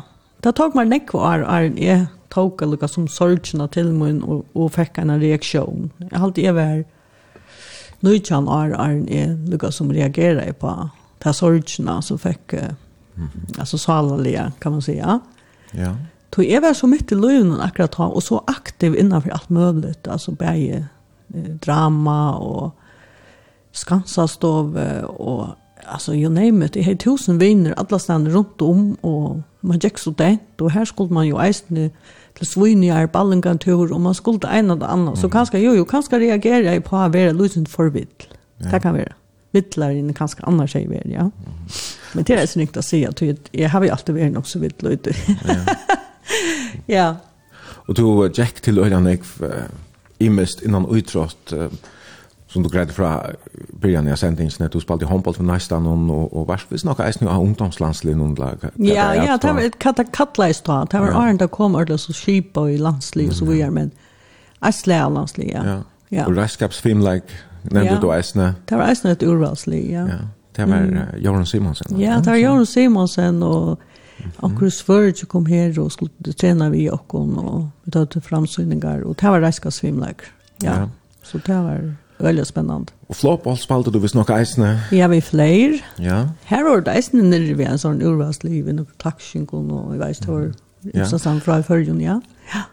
Og du tjekk en annen skolan som du greit fra? Ja, tilkjent av flåpål, ja. så får du dem å komme skolan, men ja. Okay. ja. Men um, gavs du vi sånn her utrett av virksomheten da du så ble uh, løsende eldre, altså da du kom i skulle i land? Ja, ta, ta for tølge som ble til i drama, ja. til Rosa Rekve. Og, så ta for det mer i det kreativa? Ta mer i det kreativa. Det er veldig alle dina mitt liv, det er vi vi utrådte och så det kreativa, alltså det vi alla dina det er som som har strutst om man får första plats. Ja. Jag ser det så att säga. Ja aktiv varst du, du fortalte meg reisende at, at du var skote altså ja. bæg grønner og bla. Ja, det var, det. det var helt fantastisk å være skote. Altså, det var vilt og spennende, og vet at det er, eh, jeg vet ikke hva det kallet det, Gustav Georgeson er, sånne uh, så bardia faktisk om nottena, men skulle hei sånn bånd om armen, så skulle man få sånne bånd som uh, man kunne kunde, og så vann man, og så var det også kista, og, men det var ute, det var forarrenning. Forarrenning, ja. Forarrenning, ja. Nemlig, ja vi runder runt här i natt, om nattene uppe i mm -hmm. svarta, svarta for oss ja. alltid, og så här och här flöten här her nere vi och og ja. öliga spännande Så var det plantasjene. Ja, og plantasjene, det var så for ja. mange spennende, ja. Du minnes nok ikke mer, men, men jeg var litt ulve og ikke ta, når du er yngre til, jeg minnes det ja. fra, ja. fra targetøyene. Vi, vi ølve unger, vi var vi eisene, men... Ja Men eh, Men att du säger det nu hur fyra där vi snackar samman. Ta ta kom faktiskt tankar om det att alltså nu jo jo i minst ja. Ja. Var hon kan lever jag snä. I Ja, Jag tog det släga lejare eller tickare. Ja. gång gänger med släga lejare. Men i minst väl alltså förra den ränningarna och det var och Troliga stortligare och spännande och garvidlar. Garvidlar, alltså katt, ja, helt då jag slapp att görs det där. Jag vet inte, men... Visst du något? Ja. Ja och man var golor och blaver man kom yeah. hem efter alltså yeah. så man var slash föräldrar och det vill ju att att alltså att man slapp till såret alltså föräldrar det att det slash vill jag allt. Och om någon som lustar i så alla bike att jag kan så fick man alltså tror ju så gasbind stitcher upast. Yeah. Man bant ett om armen och sen så har man ganska hinner i lomman Och så skulle man alltså ut och finna en skatt och och det var två liv så det, det rådde om inte möta motstå linon och hvis man mötte dem så skulle man leva av och taka bindene fra Taimon, og Arne, de finner tidsi bindene fra okken, og de ble altså sliten av armen, og det var ikke alltid at de er sliten av, altså det er ikke standard trutje personer og hal og i her, og man fikk jo veldig ilt i armen, eisne. Ja, ja, og hvis du minns det, så gjør det det, sånn som har forengar av en, og så sier det la onke knappen som er bråd bein, eller bløtte, og så da, så det var ordentlig hona litt, altså, på noen som skulle fikse det av en, eisne. Passar, ja, det var så her rønter av en, Ja, det er alltid, men altså, det kan vi iblant i okkur skjema, men i halta passar, det var eisen om nottene, det er som minne som jag vet och knappt har rent man så ja och som la her bløtte, og så var det så jävla vemligt da. Ja, halte det var planlagt altså det roten är så så man man knappt så var man uh, fänka över och såna så sånn, Ja, Ja, ja, ja, ja, ja, ja, det er fantastisk spennende. Ja, det har stått litt høy, ja. Det har stått litt tog, det er helt sikkert. Og, og nekk folk, gå folk som man kjenner herfra, og her møttes, altså arbeidet vi faktisk at, nu, nu nevnte du at vi kjennes herfra, jeg synes og Bjarne Rubbeksen til dømme, som er arbeidet omkring Kvarsnån. Hans Peder Hansen, Eisene, mm -hmm. Øsser Vinterrei. Ja. Jeg kan nevne, jeg vet ikke hvordan det folk som man kjenner fra Skåta-tøyene, ja. som jeg har arbeidet sammen med i Milen.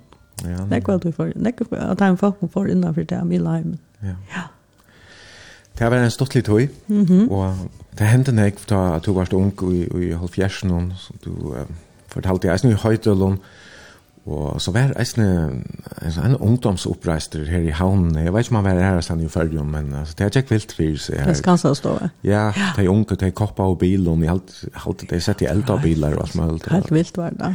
Og det var protester mot det, at vi ikke kjøtt noe diskotek. Slopp ikke å dansa. Ja. Ja, alt lukka jeg. Vi slopp ikke å dansa, og ja. Og det var, skulle lukka klokkan tolv, eller? Ja, det var det som det opprunnelig alltid byrja vi. Ja Och det tog bara i överhand alltså. Mm. Men så pappa mig satt på han ta så till Arne han där och Jesus han var ett leve med till att vi diskansa stod lucka som stod fyrjes ner och var det som lötte under kan man säga, det skaffade gjort bumpen Ja. Anker Eli Petersen var en ordentlig, en figur ta. Ja, organisator. Ja, han var organisator. Han var lucka som samlingskraft, lejare, fyra till. Det är alltid en av dem, gos. Ja, okay. Og han gjør det sanger, og vi gjør protestsanger, og gjør det alt altså, som skulle til. Ja. ja. Det var vittlo og herlig tog jeg. Ja. Ja. Så det at køyra de unge ut av gøtene klokkan 12 av midnatt, for jeg stod ikke å diskutere sin, det var ikke godt hos godt. Det var ikke godt hos hoskålt, det er det omgående, det er det stadigvæk ikke, det er det bortstående, og ja. Det, det, det er her problemet oppstånd. Nemlig, ja. Ja, men annars så var det sånne kreativiteter ta, i, i høytølene, ja. og Ja, ja. du, du sang geistene da. Ja, jeg var ute i første mysebølsen som var i Høytlån. Mm. Jeg halte det var Astrid Louin som startet i det, opprunnelig, ja. Det så vært flere av de bølgene at han har. Jeg så sikkert Sørensen, halte i uttog det, og kort det til det ble størst, flott kår, halte jeg, settene. Ja. Men vi, ta var vi til halte 6 eller 8 som var vi i bølgene bare. Mhm. Mm Astrid, og så, så var det en, en hva var han fra norsk eller svensk, en som var en sånn tonlagrarinn til Pjøytlund. Lukka mykje. Vi sung uh, folkasang, og i flere, ratta. Ja, ok. Og Gore Poulsen, eh lærlista kvinnan, Ranva Simonsen, som arkitekt og eisen folk, og tonlager. Ja. Og Ellen, Josefina Smith, som jeg har gjort film om, ja. hun var så eisen vi i sin bølsen om. Mm -hmm. Til akkur fyra minnes særlig av alt. Så her var det vært flere som er ångsvekken ikke ordentlig minnes, om det var skiftende, eller bare ikke var så. Hver det var det minnes ikke. Ja. Jeg har glemt. Okay. Ja. Men hvis jeg ordentlig får å huske meg om, så er jeg sikkert minst det. Jeg vet ikke om Nei, var var ikke, var på Jakobsen. Jeg hadde ikke om var nærkere vi, eller så Johanna kanskje. Ja, men ikke, det var nærkere, ja. Hvordan gammel var du da du var li og høytelen? jo, alt. Ja. Uh, helst jeg var nødt til å jo. Ja. Der er åkne vi. Ok. Jeg fyller jo sånn, ja, nødt til Ja. Ja. Og, um, jeg fyller september, ja. Hva først du så da du var li og her? Ja.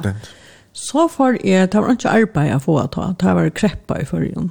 Altså arbeidsmest, det var simpelthen ikke tjongen folkene gjør i behøver. Ja og ønskvekk arbeid, så minns jeg at Sølva, som er over Sølgeren i Kalpak, hun er jo bøndakona kyrkbegæren. Mm -hmm. Og agære. Og mamma ringte så til henne, til kjennes i oppvøksten hun, og spurte om jeg ikke kom og arbeid her agæren til tjatt Så jeg var faktisk i husplass som tar første arbeid i kyrkbegæren og han sier at bøttene ikke har teimen, altså sikkert og teimen, ta teimer som har trønger. Oh, ja. ja. Guds lønge var her ikke, det er ikke vært kjære lønge, men vær så guds hørst at jeg slakte hver fire, det er minst det. Altså, Johan är spänt Ja, han är var jeg var han är nästan jag gammel. Han är nästan jag gammal men, men ja. säkert för smadrunk då. Ja, ok. Ja, ja. Så jeg var eh uh, partner jag på time. Ja. Det tomtar väl? Ja, men de er ordentlig vel. väl. Och särskilt att jag slaktar över fyra att jag opp og så. Det er helt mm. spennende, ordentlig. Og du bor jo ju här någonstans? Ja, så bor jag här. Ja, ja, ja, jeg bor här. Og jeg minnes det at att själva, ja, bønden, han lærte meg å kjente opp i en og sånn kål kom for i morgenen til det første arbeidet jeg skulle göra. Gossman så fick leie tre i under og så så spønner først, og så vidare. Gossman så fikk eld i ett hela Så hver morgen har en avbjøring. Jeg får helt igjen den åne som stod inne i køkken. Det var kallt å komme opp om morgenen. Ordentlig, ja. Og så skulle man kjenne opp. Va? Ja. Det var liksom det første arbeid i heia. Det minns det vel at det lærte jeg til Erik hos man, så fikk helt igjen den sikna ja. åne som stod her. Ja. Sola var øyelig fitt, og det hun faktisk var her så igjen. Hun er, hun er alltid vært en dikker stol med løyve sola, fitt av møter og alt det, ja. ja. Hvordan lenge var du her i Gjernom? Ja. Det er ikke minnest, altså, tror ikke man ganska eller så. Ja, okay. ikke nej, inte lunch. Det var inte lunch, men jag har inte just störst intryck alltså. Ja, ja. Det tog ju inte, det är rätt. Resten av lunchen, ja, det var så örvis, ja. Ja. Och fort så nyer at han var... Nei, Så fikk jeg et arbeid uppe her runt her Här var ett vakstrarhus då av E-Åman her som höjvskär ner. Oh, ja. Minns du til vakstrarhuset, vaxtrarhuset? Det är inte nyer nå? Ja. Ja. Jeg minnes lämnade av det. Yes. Ja. Her var et vakstrarhus. Her fikk jeg arbeid og passa i til vakstrarhus og blomner inni hos vakstrarhusen. Mm -hmm. Men det var eisende bare en stort av tog. Ja. Og så minnes det, sier mamma, nei, da jeg ikke langer, jeg samlet med Sindra Penkons sammen, så får jeg nere kjønlagerskole i Aarhus. Ja. Hon skaffade mig så en bostad til Eion Johannesen och tog uppe i loften när det hette jag sort loftskammer, Pickel lite loftskammer som är bo i mitt i Holvar, ja. like hos lunch där i Vera Sky. Sjallagaskap. Ja. Men er i her, har jo med den her komedie eller arteskolan som er i København. Og får til opptøkkerønt. För København til opptøkkerønt, og så hørte jeg ikke om det for hjemme førjer, det var Leo, og så fikk jeg på hjemme førjerne, det var slått inn. Ja. Ja. Så jeg får nye av skola, og det var virkelig spennende. Altså, men... Og det var i København. Ja, og ta, altså, atleid du der at, at livet er av sjånleikje, altså, å være sjånleikere. Ja Ja, det er alltid. Det var liksom det her som som jeg drømte om tag og sier, ja. ja. Og hver hei du drømte fra Arjen? Altså, det var, jeg kom jo denne dramabølten til Rosia Rekve. Ja. Det var kveldskolen. Et eller annet, nei, jeg hadde faktisk av grøymeisen som sier, jeg finner vi ut, et eller annet, hvordan var det til undervisere? Ja. Så var det jøknån. Mm -hmm. Annars har vi alltid finnet, eller annet, altså papen min var ser intresserad av i, i, i sjønleikjeisen, han skriver i sjønleik, og Allt kom nek vi sjónakar huset som badnæsne, vi honom og Mm. Alltså det det det är väl att låta in där. Minns du den första lägen som du låt ha gå? Eh ja, Altså ta första lota låt ha. Det var vi sjön lägger fällan, det var så kabarett. Altså i minst det är var på Jakobsen vi George okkur står sån der. Hu hu jetter and lunch läs och sin Jakobsen och så. Det var ju skamla vi där vi ta. Men inte så gamla. Mm så har vi även instruktörer så att vi da har sett like opp, Alltså det var helt ung. Det var æren for å lese. Ja. Ja. Og så eisen på Höjdlund. her var eisen vi spalte kabarett og sjönlägg og sånt. Ja. Så det har vi alltid gjort. Og just en? Ja. og gör igen. Ja. Du du spelar ju sjön like en och Ja, ja, det var så väl. Ja. Og spalt en tvåmans like, en förskriven tvåmans like på cirka 16 minutter, 18 minuter. Samma vi. Saman vi rann vi Alaberg. Oh, ja. Vi er tver vinkoner leit noen, som hittast at han ikke var. Og hver hånd er den fina, røyka, smarsta, og jeg vil gitt han jota, ondskjanta, men kloka. Ja. Og så møtes vi, og så kom alle konfliktene opp etter. Jeg ble ikke salerfrøyng på grunn av henne og, og såret da. Ja, ja. Og vi tatt så premiere det i, i Adafestivalen nå i sommer. Ja, ok. Visla ikke noen, ja. Ja. Vi får spela en sangatræt, og jeg halte at uh, meine at det er sånn her minnet om tatoina, tar du uh, ja. Jack og Comedia del Arte i Chapmanhavn, det som vi nevnt Comediaskolen. Kanskje synes du at han har tatt er Leo. Ja. Jeg begynner å lese, studere. Altså, ok, da du først til Roskilde, ja. Ja, faktisk tatoina her. Og det var, var det to, to har møtt, tar vi alt et eller annet Första mannen. Första mannen till ja, Paul. Det var ta. Ja. Och det är han som helt säkert är grunden till att det blir hästensankren. Ja. Det är liksom allt det här jordtäppet. Ja. Det är Arne, vad säger man vid honom? Nämligen. Det är papi att bötten hon. Det är papi att bötten Han Paul, spalte... Paul Davidsen. Ja, han är uppvuxen i Brasil. Och spalte brasilianska tonlag från morgonstunden och till kvöld och det halt han ger en han är fjäppar av brasiliansk mm. tonlag som är er otroliga god tonlag. Ja. ja. Og akkurat hästensankren var hette en som... Hette er en av munnen interessant, ja. Fra tog togen, ja. En du lustar etter en, det er det? Og jeg lurte jaunan etter, ja. Mhm. Ehm jag vet inte du jag skulle jag vet inte är det här av strontene i Banema. Okej. Ja. Så det där var ju färrast. Jag vill vara en hela månad i Rio. Och färrast då. Hvis jag kunde valt så är jag gärna vill bo i Rio. Ja. Men det er bare så kriminellt, hvis det ikke var det, så jeg vil jeg bo her, ja. Er det ikke sånn oppdelt, altså, andre på hver og i Rio du bort? Jo, jo, til simpelthen så oppdelt, altså, du kan leva trygt, men det som er røyk, ja. det her var faktisk vakter nere ja. framme på jorden, altså vi, man synes ikke være alt for jeg trykker sjålene, ja. er øye farlig til livet. Mm. Men spennende. Ja, og, og vekkert. Og, og vekkert, det er det vekkerste stedet i verden. Ja. Halvdige. Ja för att röjna att uttala nöjnen er till de som framföra. Ja. Stan Getz, Hao Gilberto, ja, Gilberto, og Astrud Gilberto. Vi tar her The Girl from Ipanema. Dum,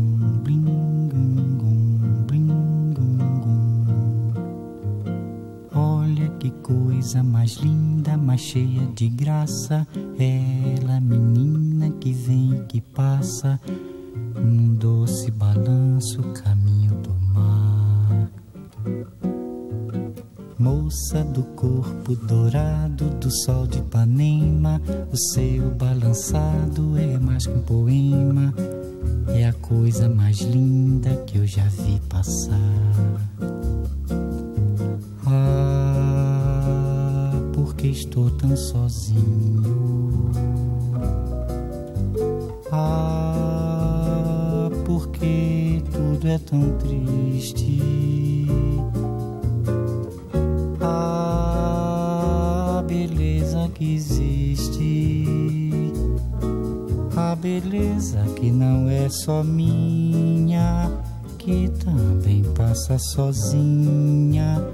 Ah, Se ela soubesse que quando ela passa O mundo sorrindo se enche de graça E fica mais lindo por causa do amor.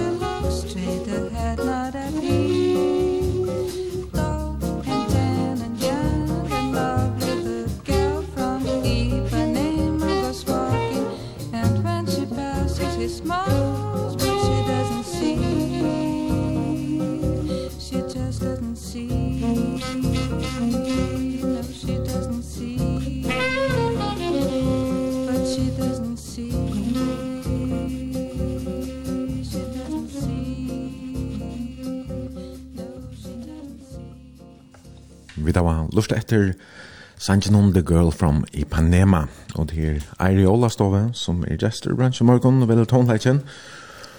Og vi senda ure Vera Birgje i havn, og jeg har kjørsta nå i halvan annan tøyma. Og du som lust er er velkommen til å sende onkra ankra vimersting, ankra spurning, um, etla en helsan, at 24.00 Og uh, det ble jeg til å skrive av Facebook-søgnet til Brunch, det var B-R-O-N-S-J. Og her er det kommer flere halsander og en rettleiing, vi nevnte det forrige renning i Janne, mm. er en som viser at um, det er et nottarvenning. Ja, det kalles det, ok, ja, ja, ja. jeg minnes ikke hva det kalles det. Nei, vi, vi skått noen. Ja, ja, det er fantastisk. Det var det, så helt sikkert.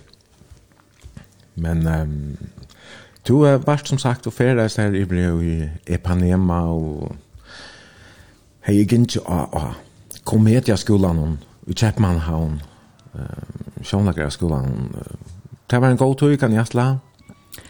det var en god og mennande og krevjande tog tog at jeg nevnte Johanne at sorgsna om pappa min at det ikke kom for en sætning i løvnen og det faktisk kom vi endan da jeg gikk her i skolan og Da fikk jeg et personligt, jeg vet ikke om jeg skal si, et øyelig harst denne tog. for jeg finner det øyelig hva det vil til løgn og hvor vi er og alt mulig, og jeg følte nekva sorg over at jeg er med små på pappa mine. Så det var liksom en forsikker reaksjon. Ja. Några år att han var. Och det var så en längre process som jag körde. Jag tog mig för innan jo, men... Mm Jag vill säga att jag nog har haft en depression, men det var arm. Man tossar ju om att jag har en depression. Och jag kurerar mig själv vid att eh, faktiskt folk följer. Jag får upp till Mykinesar, Alvera, Pentagar. Ja. Så jag boa, Brattaberg. Så jeg kom ut her, jeg vet ikke, inte tjekka en tvär sjuka månader så var jeg kom om på att det, alltså, det var øyelig sånt jeg kom ut her, Ja. og inte, altså bare, her var unge folk, her var seks folk. Mm -hmm. Så opp på morgenen, og her var det alltid vi at ja, altså, kinta opp, ja. få hit i huset. Og du får det ensamme ut? Jeg får det ensamme ut der. Og så nian at jeg var kolven, noen som var helt oppe i hyen om omstående. Mm -hmm. Og så bare til simpla løyve. Han hei, jeg får ut der, han er akkurat, han var akkurat min pappa, det er min kjellutbadna. Så jeg var liksom for å hjelpe henne eller hjälpa att hem och vi snir på någon nästan snäll alltså så vi är en hushjälp men det var inte för lön alltså det var för kost och uppehälle. Ja. ja. Men det var sånt. Det var öle så. Det var det rätt det helt säkert så det alltid är vi alltid alltså går så Lars näga den här vägen eh och mig själva och Luva och går som alltså kämpar så sån hör alltså Church America det är så att de nyttagar sig inte mer så. Så mer rikker det simpelthen ut harsht fysiskt arbeid til det eneste som rikker mot sorg, halvdige. Det er min vever, ja. Mm -hmm. Og som jeg har annan, ære matar. Det er min. Ja. ja. Jo, men i Mykines så har du haft noe rett. Uthørkelig ting, for jag halte det til kvendt det, og ikke skulle kanskje inte vara så sosial som man vet. Man kunne bara gänga for show som man vill, ja. Som man säger, vi ska till Anna. Det kan jo vara sånt, vi kvart, ja. Ja, Och så naturen att det är bara alltså väckre så ringt då är du kanske för ut till dem spela det här för ut i chatten ett land att här ska man lägga sig löjer till eller då var ett skildrat här att det var helt ner och i är totalt evlivsspärrande nivå Ja. till det här så allt så tror du om man är i mitchen så kvätt kvätt kört du så så är det nog att det är alltså till det här och levt oss hemma som en på ett eller annet tidspunkt är det så för en arbeidsjånarkmål. Ja. Halt det var 18 av denne perioden. Tog mamma sier vi med at jeg skulle søke arbeid her, og jeg hadde gjort det langt øren for heim. Men jeg minns ikke akkurat Gustav la fire, men så er det til at første skal skal begynne. Ja, så det var sjånarpsfeleie som ja, var som var årene. Ja. Så er det til første skal allmenna skal byrja. Mm -hmm. Og jeg kan Asbjørn er stjåre, og mamma sier søk, du har en oppbygging søk at her, hatt akkurat noe for det. Vi søkte så at gjøre badnesendinger, uh, slippe til. Og jeg var virkelig heldig at jeg slapp fra meg etter. Mm -hmm. Så jeg var faktisk vid det første, det var Reiba som rævlig ofte han før, ja. at jeg var vid det første badnesendingen, den første sendingen i Høver, ja. og i allmenne sjåmarsmål i Førjons får luften, her har jeg og Sækers vi, ja. Mm Det kvällte då vi shuttle var sagt var show var färja. Ja. Och badna sendingen kom iron där och vik, ja. Så ja, faktiskt vi var først. Vi var aller først, da. Skulle jag noen. Hur ser det sändningen här tjejen? Øy, så så så. så. Oha. Barna tog inn i at alt. Okej. Det var ikke sort jävla riktigt la. Och finns såna hon tar väl också short. Ja. Ja.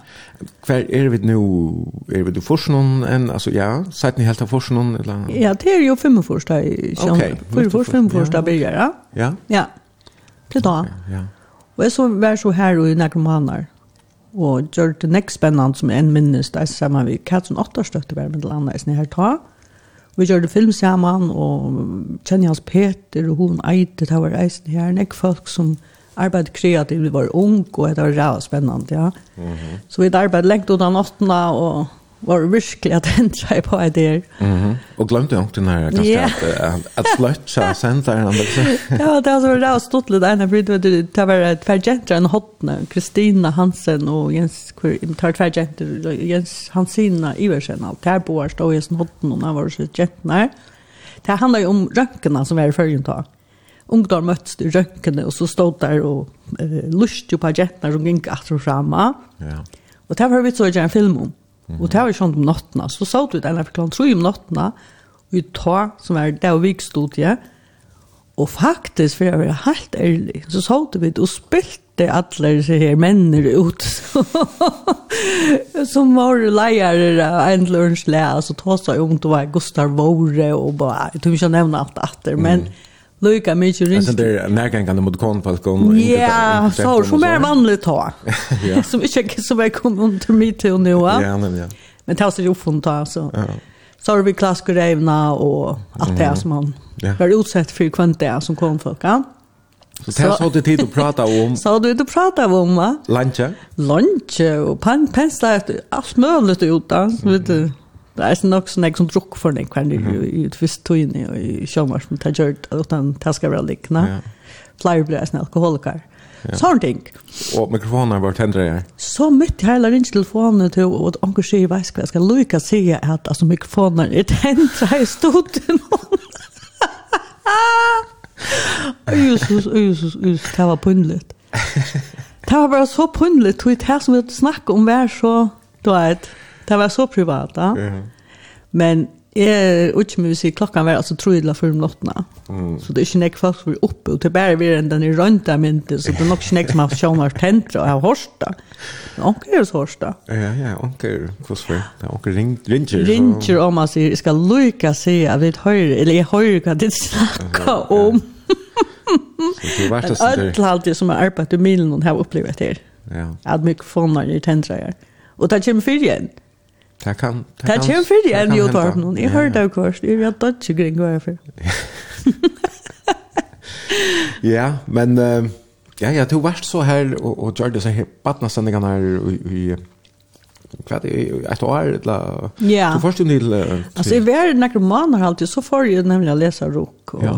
Men så kom jeg alltid flere sommerferier, og fikk fru fra studion, og var hjemme og arbeidet. Ja Det var så spännande, ja. Men du var så å läsa samskifte och landafrøye. Ja. Hver fikk du Ahoan og hoskottet til det? Altså. Samskifte, det var sånn opplagt i det arbeidet vi gjør. Badnasendinger og Her fikk jeg vite jeg må lære sin tro om å gjøre film og skilja film og alt det her som, som jeg var gongt vid. Så det var så opplagt. Mm -hmm. Og man skulle börja en større Og jeg gikk ikke matematisk del på Høytlund, så det var naturlig for en nattbas, nattbas etter da, naturligvis en del i.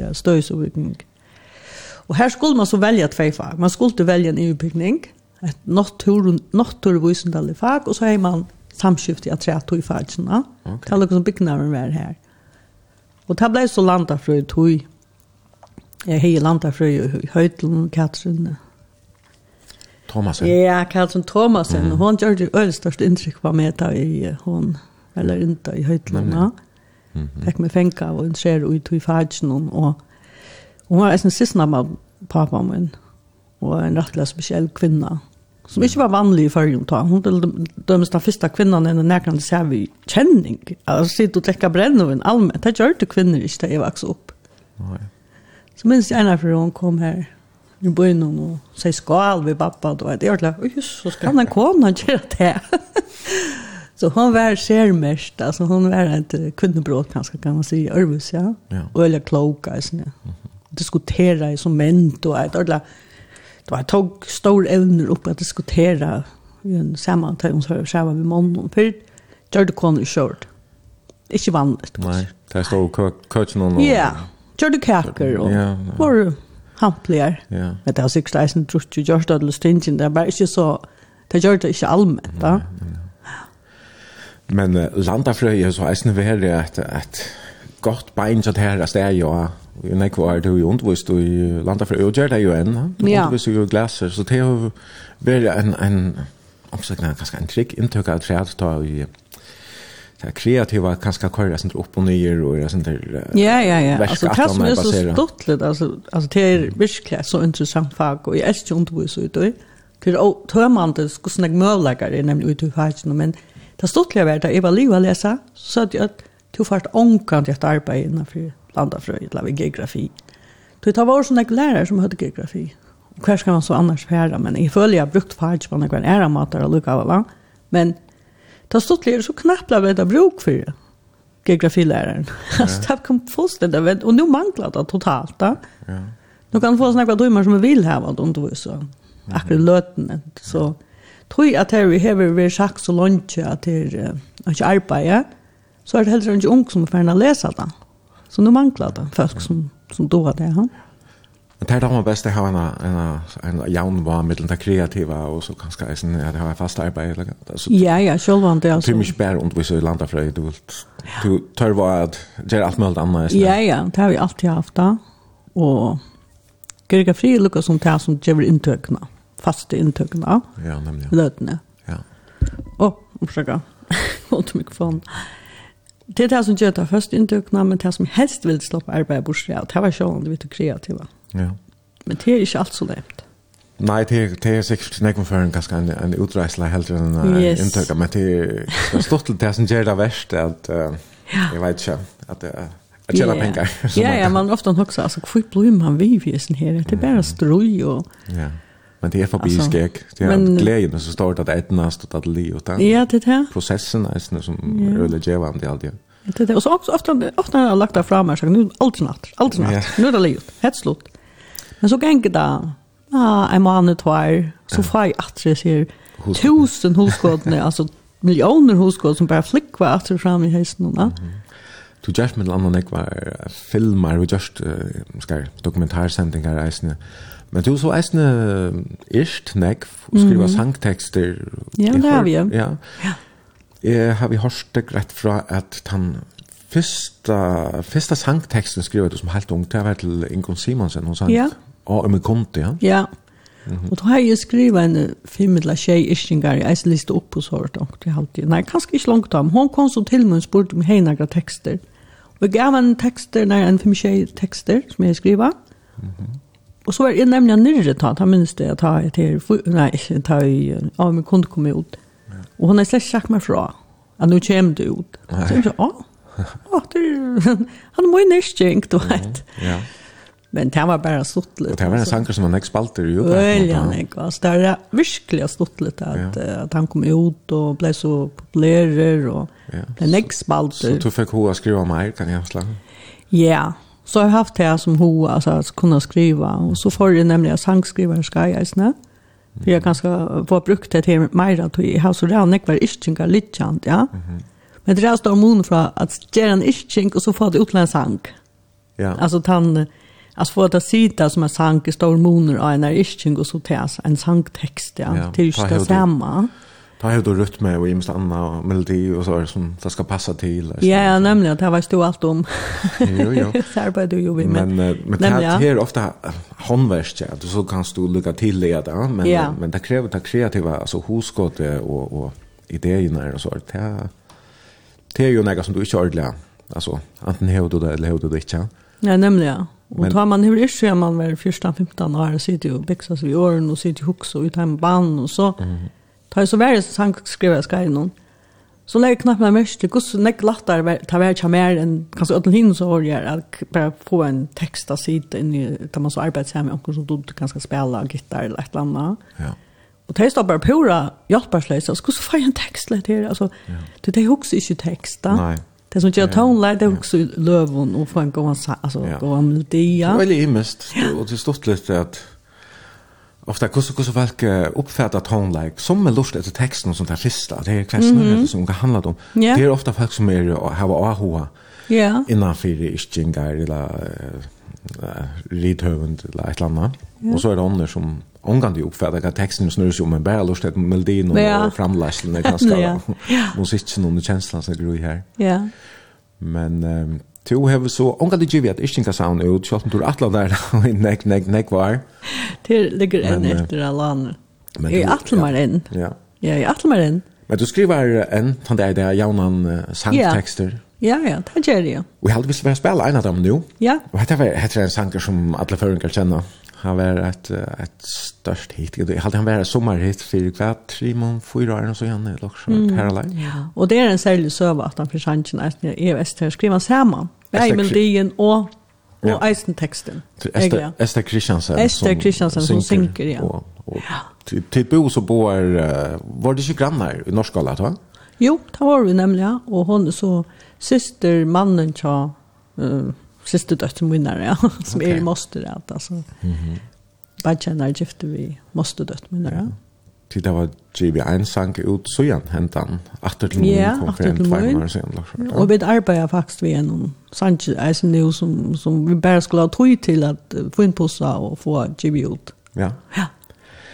Men jeg halte vi skulle fære spela for Ivela, helst det. Jo. Og det var sånt ett koncept som jeg har hørt det konkret fra och och jag jeg minns mig at det var en sändning til mig eller morgon sändning eller Men um, teksten og Eisen Bildin her tid, det det hade alltså dogme, de skriver og, og ja kan du greja fra till tid? Ja, alltså vi låt vi tog skriva en kvar och låt en krocka. Ja. Och så fick vi lära ut att jag sån åtta år upp. Valde det alltså skrev det bara till till, till vilda år. Ja. Så sån jag past ner en krocka. Ja, och så tog vi åtta upp kvar och lätta den ner borre.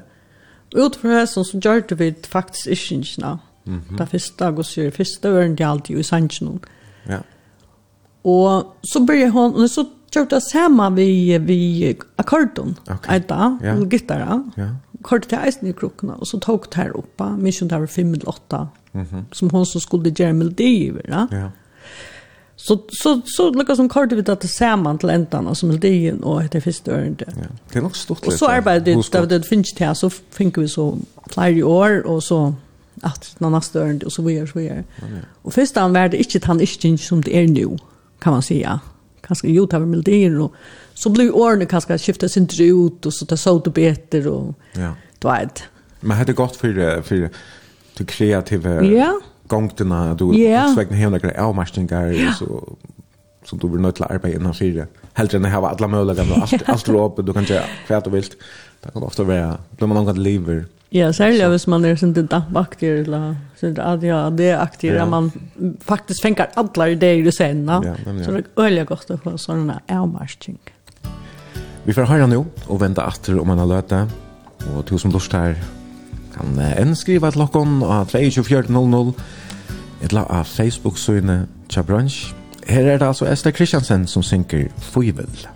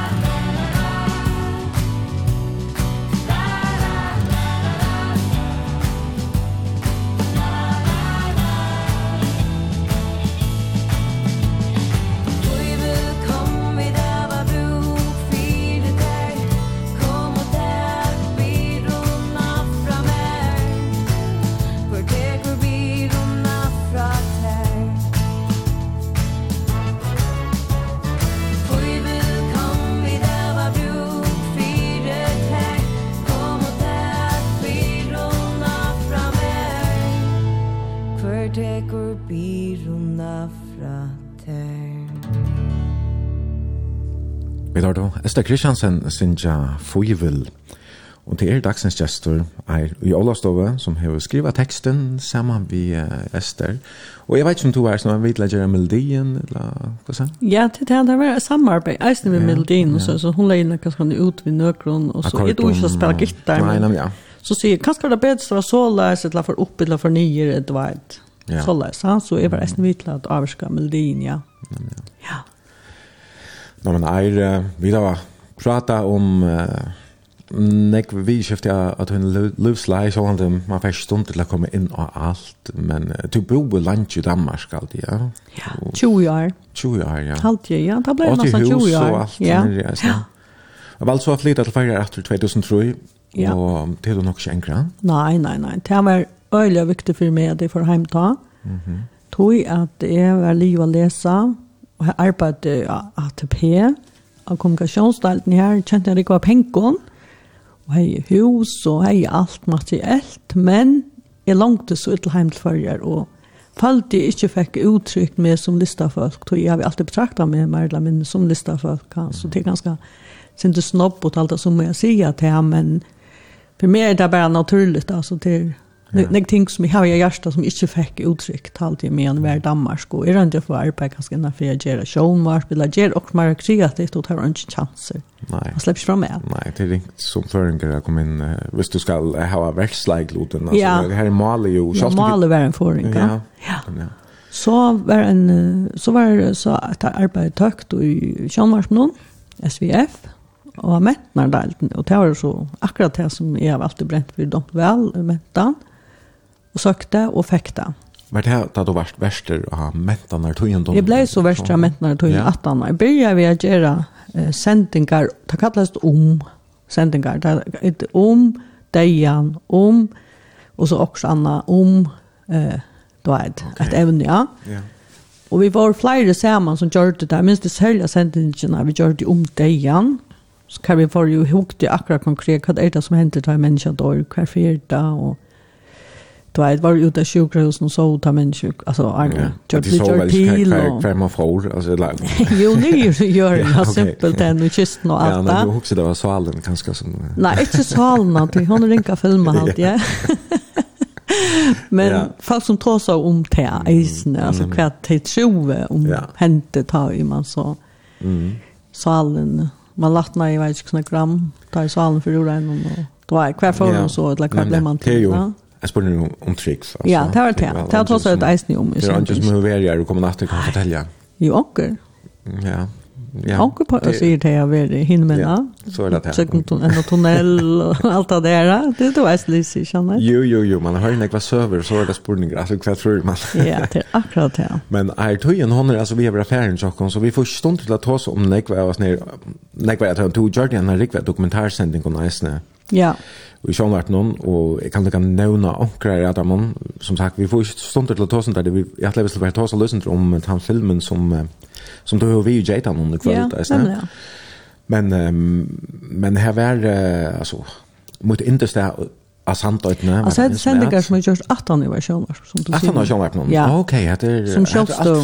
Som sjålstøv. Ja, hun mynd. Ja, det var som är skilt till alla någon varst du i Sjöngvarpen till 2011 här ja. ja. Och så, ja, och så får du för mig själva. Nämligen. Starta i firma i hovet. Ja. Och något snäck är sant att du är sen gjort en dokumentär om Eplafestivalen och om Uilösaune och att ta kringvarpenfältet Trusjar gör det två tårer och sammanläsningar. Ja.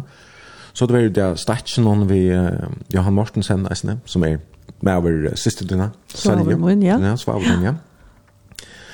The Ocean var en film med utrører per av eie og gjørst også om Adelborg Linklet, Torge Sjorøy og Søttar halde i dobbeltsånsene og imisk annat, og jeg synes ikke var nek videolø og, og musikkportretter, og så halde i løtene jeg stod vi snakket før vi gjør en, en, en portrett av Agnes Mortensen, jeg synes nevnt Tera drottningen, hun yeah. var gestor i brunch, jeg synes, yeah. jeg mann an Men det som er aktuelt akkurat hele nu, her og nu, det er dokumentarsendingen Salarkvøl, halde jeg meg til det. Ja, Salarkvøl. Ja. Det har vi ikke finnet å vite, hvis under tekster. Å ja. Ja filmen han blev vuster i Sjónvarpen för en år så han det här alla i la Latvaimon. Ja, jag och tog jag vet. Nej, här ligger det också en utgåva av hemma sin Sjónvarpen, men det här är en en nudge clipping och här är just imens material till filmerna. Nudge scener. Ja. Color grading och jo efter arbete är snär. Ja, alltså jag vill säga att en helt annan filmer som är alltid en bättre Og det var alltid jeg gjøre at, at han var så mye stort. Det første for jeg gjør den så stort en dokumentar, så han kunne passe inn i konseptet vi gjør den. Ja. Han, undrar, altså han var bant i en halvann tøyma, og jeg klippte han i under en halvann tøyma. Ja. Det skal jo være sitt. Ja, hva var han opprunnalig? Han var 34 minutter, nesten 35, ja. Og nå er han 28. Nå er han 28, ja. Men her er så eisen kommer noen noen scener. Ja, og så har vi valgt at uh, gjøre eisen, ja, treat, ja. altså filmer noen scener, vi sjånlegger noen, Fann en agente som luktest akkurat Elin da hun var ung.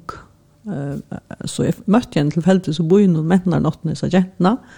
Og spurte Beinarvin om hun er i hoa at vi er vi i uh, Einar av scenen fra filmen. Mm. Altså nøkker at hun som Elin forteller om. Ja. ja. Så det kom jeg trett, og så har vi Jon McBurney og uh, han kjøler tonleggeren Flowen. Mm Videre. videre, ja. Tær har just helt nytt, ja, altså Josport har just nytt en tonelike til filmen, så okay. det er faktisk nytt filmer, alt Josport, ikke alt, men nekva Josport er nytt. Ja. Og filmen han var, altså visste du, sjånvart noen kveld, ja. sammen vi, en, vi kjent det var sex er Jo, til samans. Ja. Til samans. Til samans er sex filmer, så ja. sammen vi fem øren filmer, ja. som er og av skromne av Jadan, som er i kveld. Ja. Det er så tiltak som er beinleis i Norrland just nu. Ja Og jeg halte her er, her er noen billetter etter en, så om man har hoa vera vid til seg her i varslene som det jo er, ja.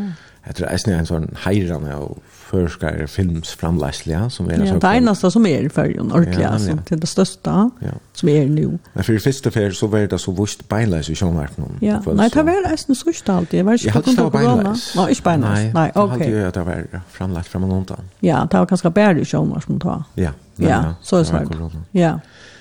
Men uh, jeg sen filmen nu sendte du meg en lunch jar så jeg fikk downloada og hukte etter noen, när man ser han veldig, veldig sterske filmer og han snur seg om Elena Josefine Smith som mm -hmm. som du eisen kjenner fra at du var unga. Och så balchen höjdlon. Ja, nemlig. Ja. Och eisen grannalæner som er oppvoksen, tog at måste henne er var gift i Uivar Iversen som er granne til Ockon uppe under världen. Ja. Så jeg har spalt vid henne langt tag, jeg var en sex tjej år hva hun som legger yngre, ja. ja. Nå skulle vi ikke avduka for nek, det som er hendt i filmen, men vi kan godt si at, at han snur seg om uh, salar kvøl, altså salar sjuka, Mm -hmm. ganska som du är grejt fra, du har ju själv en depression som ung och det var inte man tar sig om. Det var ganska tabu även Ja, ja, det var slett alltså nu är det ganska för nek alltså för nek som är sjuk men det var det så slett nägg som kallas det var sjuk. Det var man var mest lydigt la och ja, det var en det var skajf som det var ta. Det bed nu.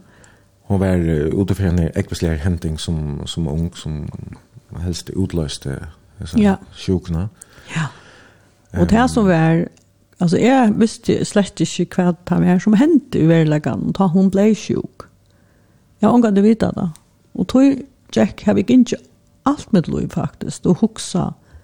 Og haft inga samviske. tog jeg følte at, nei, det passer ikke ordentligt. Hon ble ikke bare knappt sjuk av ungen. Tog hon var några få det där åren, at vi är sammen, Eller ganska några viker, og var nekk saman, og var frusk og myndelig ung jenta, kanskje sint spesiell alltså på onkra mata men inte mer speciell än är och alla hinner som vid var skärman. Mm. Så jag faktiskt tänker samman. Och jag har ju omgång finns ting sin samman. Jag visste det var också tänkt som vi bara svingt jag vita att vi fick vita att det var något ju när rök för när när crash och det var sån ting eller drutch från negla. Det var alla möbler, alla möblet släter som gick runt om som som faktiskt visste släcka passa näga ut. det. Jag tror jag omgång när det helt på inte släter, no? Mm. Hva var det som fikk deg at oppsøkja han etter og, og gjøre den filmen om han? Til at jeg tenkte, ok, hvis jeg skal svære på etter, så må jeg gjøre det nu, til man blir jo bare eldre og eldre. Ja. Sette du det så i samband med henne? Ja, ja og hun har en framsynning her, og så forsøkte hun om man vet henne framsynning, ja. Mm -hmm. Vet han er med missambandet, tog man eisen er så bensje for jeg norska svøltje at det tar man tatt hente såret, og så mister man sambandet, og så... Så gäng där för en ekon år, du vet. Han känner du inte det, så knappt ja Så känns man ganska slångt då, ja, man hör så en ekon år färden. Ja, det kan vara ringt att att bråd och isnack. Ja, jag känner inte. Och så, men det så kom att till honom och snackade, så var det akkurat som vi hade samman i jar. Så det var akkurat det samma. Det var så fantastiskt. Men det upplever man så är ofta när man tar kontakt med folk att som man inte Så får man bara inte en ut som man så hej ta. Ja. Och här hänger en stor flott mynd som Ellen Josefina Smith över Vet du hva det er? Hatt det faktisk papen min som sitter og forteller søver for bøtten oppe i loften og gildselen oppe i loften og her hjemme tjokk. Og heier vi. Ja, så hun minnes etter at det er at det var så samlet sted her, at folk kom, bøttene kom, hver for en første, så var det hundra bøttene her, altså, og pappa sa så fortalt søver, ja. Ja, nemlig, ja. Hun lagt en mynd ut av Facebook om morgenen, her ser man faktisk, ja. hentan han her ja, ja, ja. i bakgrunden. Ja, ja, selv hun minnes det som det er helt særlig. Ja. Altså, det er at han fortalt søver bøttene, ja. Men det är hon vill föränka där som är här. Ja. Att det er hvordan var en filmer som jag vill vimmela utlanda för hitcha etter, og er det helt sikkert. jeg när er det gode filmer, filmar av skrån kveld, og det er att släga en kapping alltså ja. Det er jo Ja, det er det som gjør at man sitter här över ett bord någon där. Här det kapping. Här det Men där. Men jag ser att jag bara att jag slår med vi. Jo, till min filmer, det er føler jeg som en heier, Det er nok for meg. Så ikke ikke for å vinne noe, det her åkner ikke vi. Nei. Nei, men bare det man er vi, og slapp noe, altså uttidig, det er det størst for meg. Ja, det har jo spennende i kvöld. Jeg får ikke det aller beste i Edna, vet du. Takk, takk. Og annars så er det kommet her. Nekvar halsaner her. Ok. Og, ja, det er nekvar lust her som har skrivet til dere. Og jeg ja, hadde kanskje vi kunne begynne vi... Um, fotbollslinjen så där. FC Tron där har sent den. Ja, där har där har sent den mint. Där är stanta alla här i via Östervetle. Ja. Helt när dem ner som gul grön och väston och helt ner vänliga drakten. Ja. Professionally alltså. Ja, ja. Bonar och det hela. Inga öl högt på ute ska se där alltså. Ja, bonar och allt, ja. Mm. Där skriver här, hej brunch, så skiljer vi att du inte är till fotboll. Du säger det är väl fotboll annars, precis. Ja, ja. Det är i allt alltid. Ja, det här var som inte i morgon. Alltså, nästan alltid. Jag skriver en sånn här her. Du är så ugen røsk, lidföver och speltjen. Vi reglerar det här var ett slukt multitalent av FC Tronalinon. Gå ett ny kvöld, Hälsan från Moulin Rouge, Roma-kinon. Roma Kiskenon. Roma Kiskenon, er det her? Ja, ja, ok, Roma Kisker. Ja, ja, ja. Ja, og her er um, en annen skriver reisende her. Gåa eir. Jeg bare flenni og gråte, jeg har det fortelja. Du er et fantastisk løvstikje, og skoinner som en sol her du er, vi øtlån noen liten og latre. Ok, takk. Ta var døye, og vid vinkone misti hana hesumena søynena. Ja, så var det fantastisk at du kom stormande inn i okkara løyv, og røyga takk for fyrir vi møtast. Takk for hana fantastiska gåan. Trusjara fyrir hengar det, har du blest feira vi man nere, og luktist en drottning ut til noen flottare reia tjåla. Det er stort å høre yeah. alt til å være ute og gjøre rønt og skapt. Folk som til å gjøre livet stortligere og innerligere, vi til noen dirve, vite, latre og innerlighet. Takk for en så god sending tid i bransj og eir. Ja, takk. En underhelsan her, eisne fra en dame som skriver at fittar jo vekrare menneskene eir skal man leida landje etter, og så er hun så kreativ og stortlig eisne. Okay. Elsker til jeg skriver om her. Du slipper jeg så ikke at han har for det. Å ja, takk, takk. Hva på alt rørt du da? Ja, her er øyla nekvar. Øyla nekvar helsan er skriver leisen her. Hei, er jo deilig å høre kvinn i morgen. ja. Og røtten er ikke her. Fitta stortlige to. Helsan er sikna på. Ok. Ja, ja. Ja, det var ikke det. Ja, ja. Her er Ja, ja.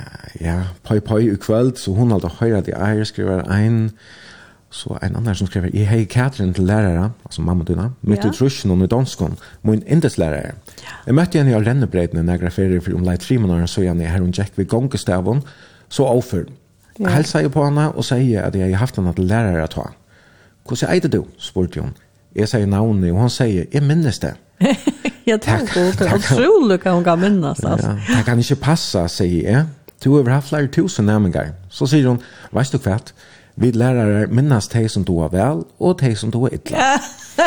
Jeg tar ikke å spørre hva en best til er i. Nemlig, ja.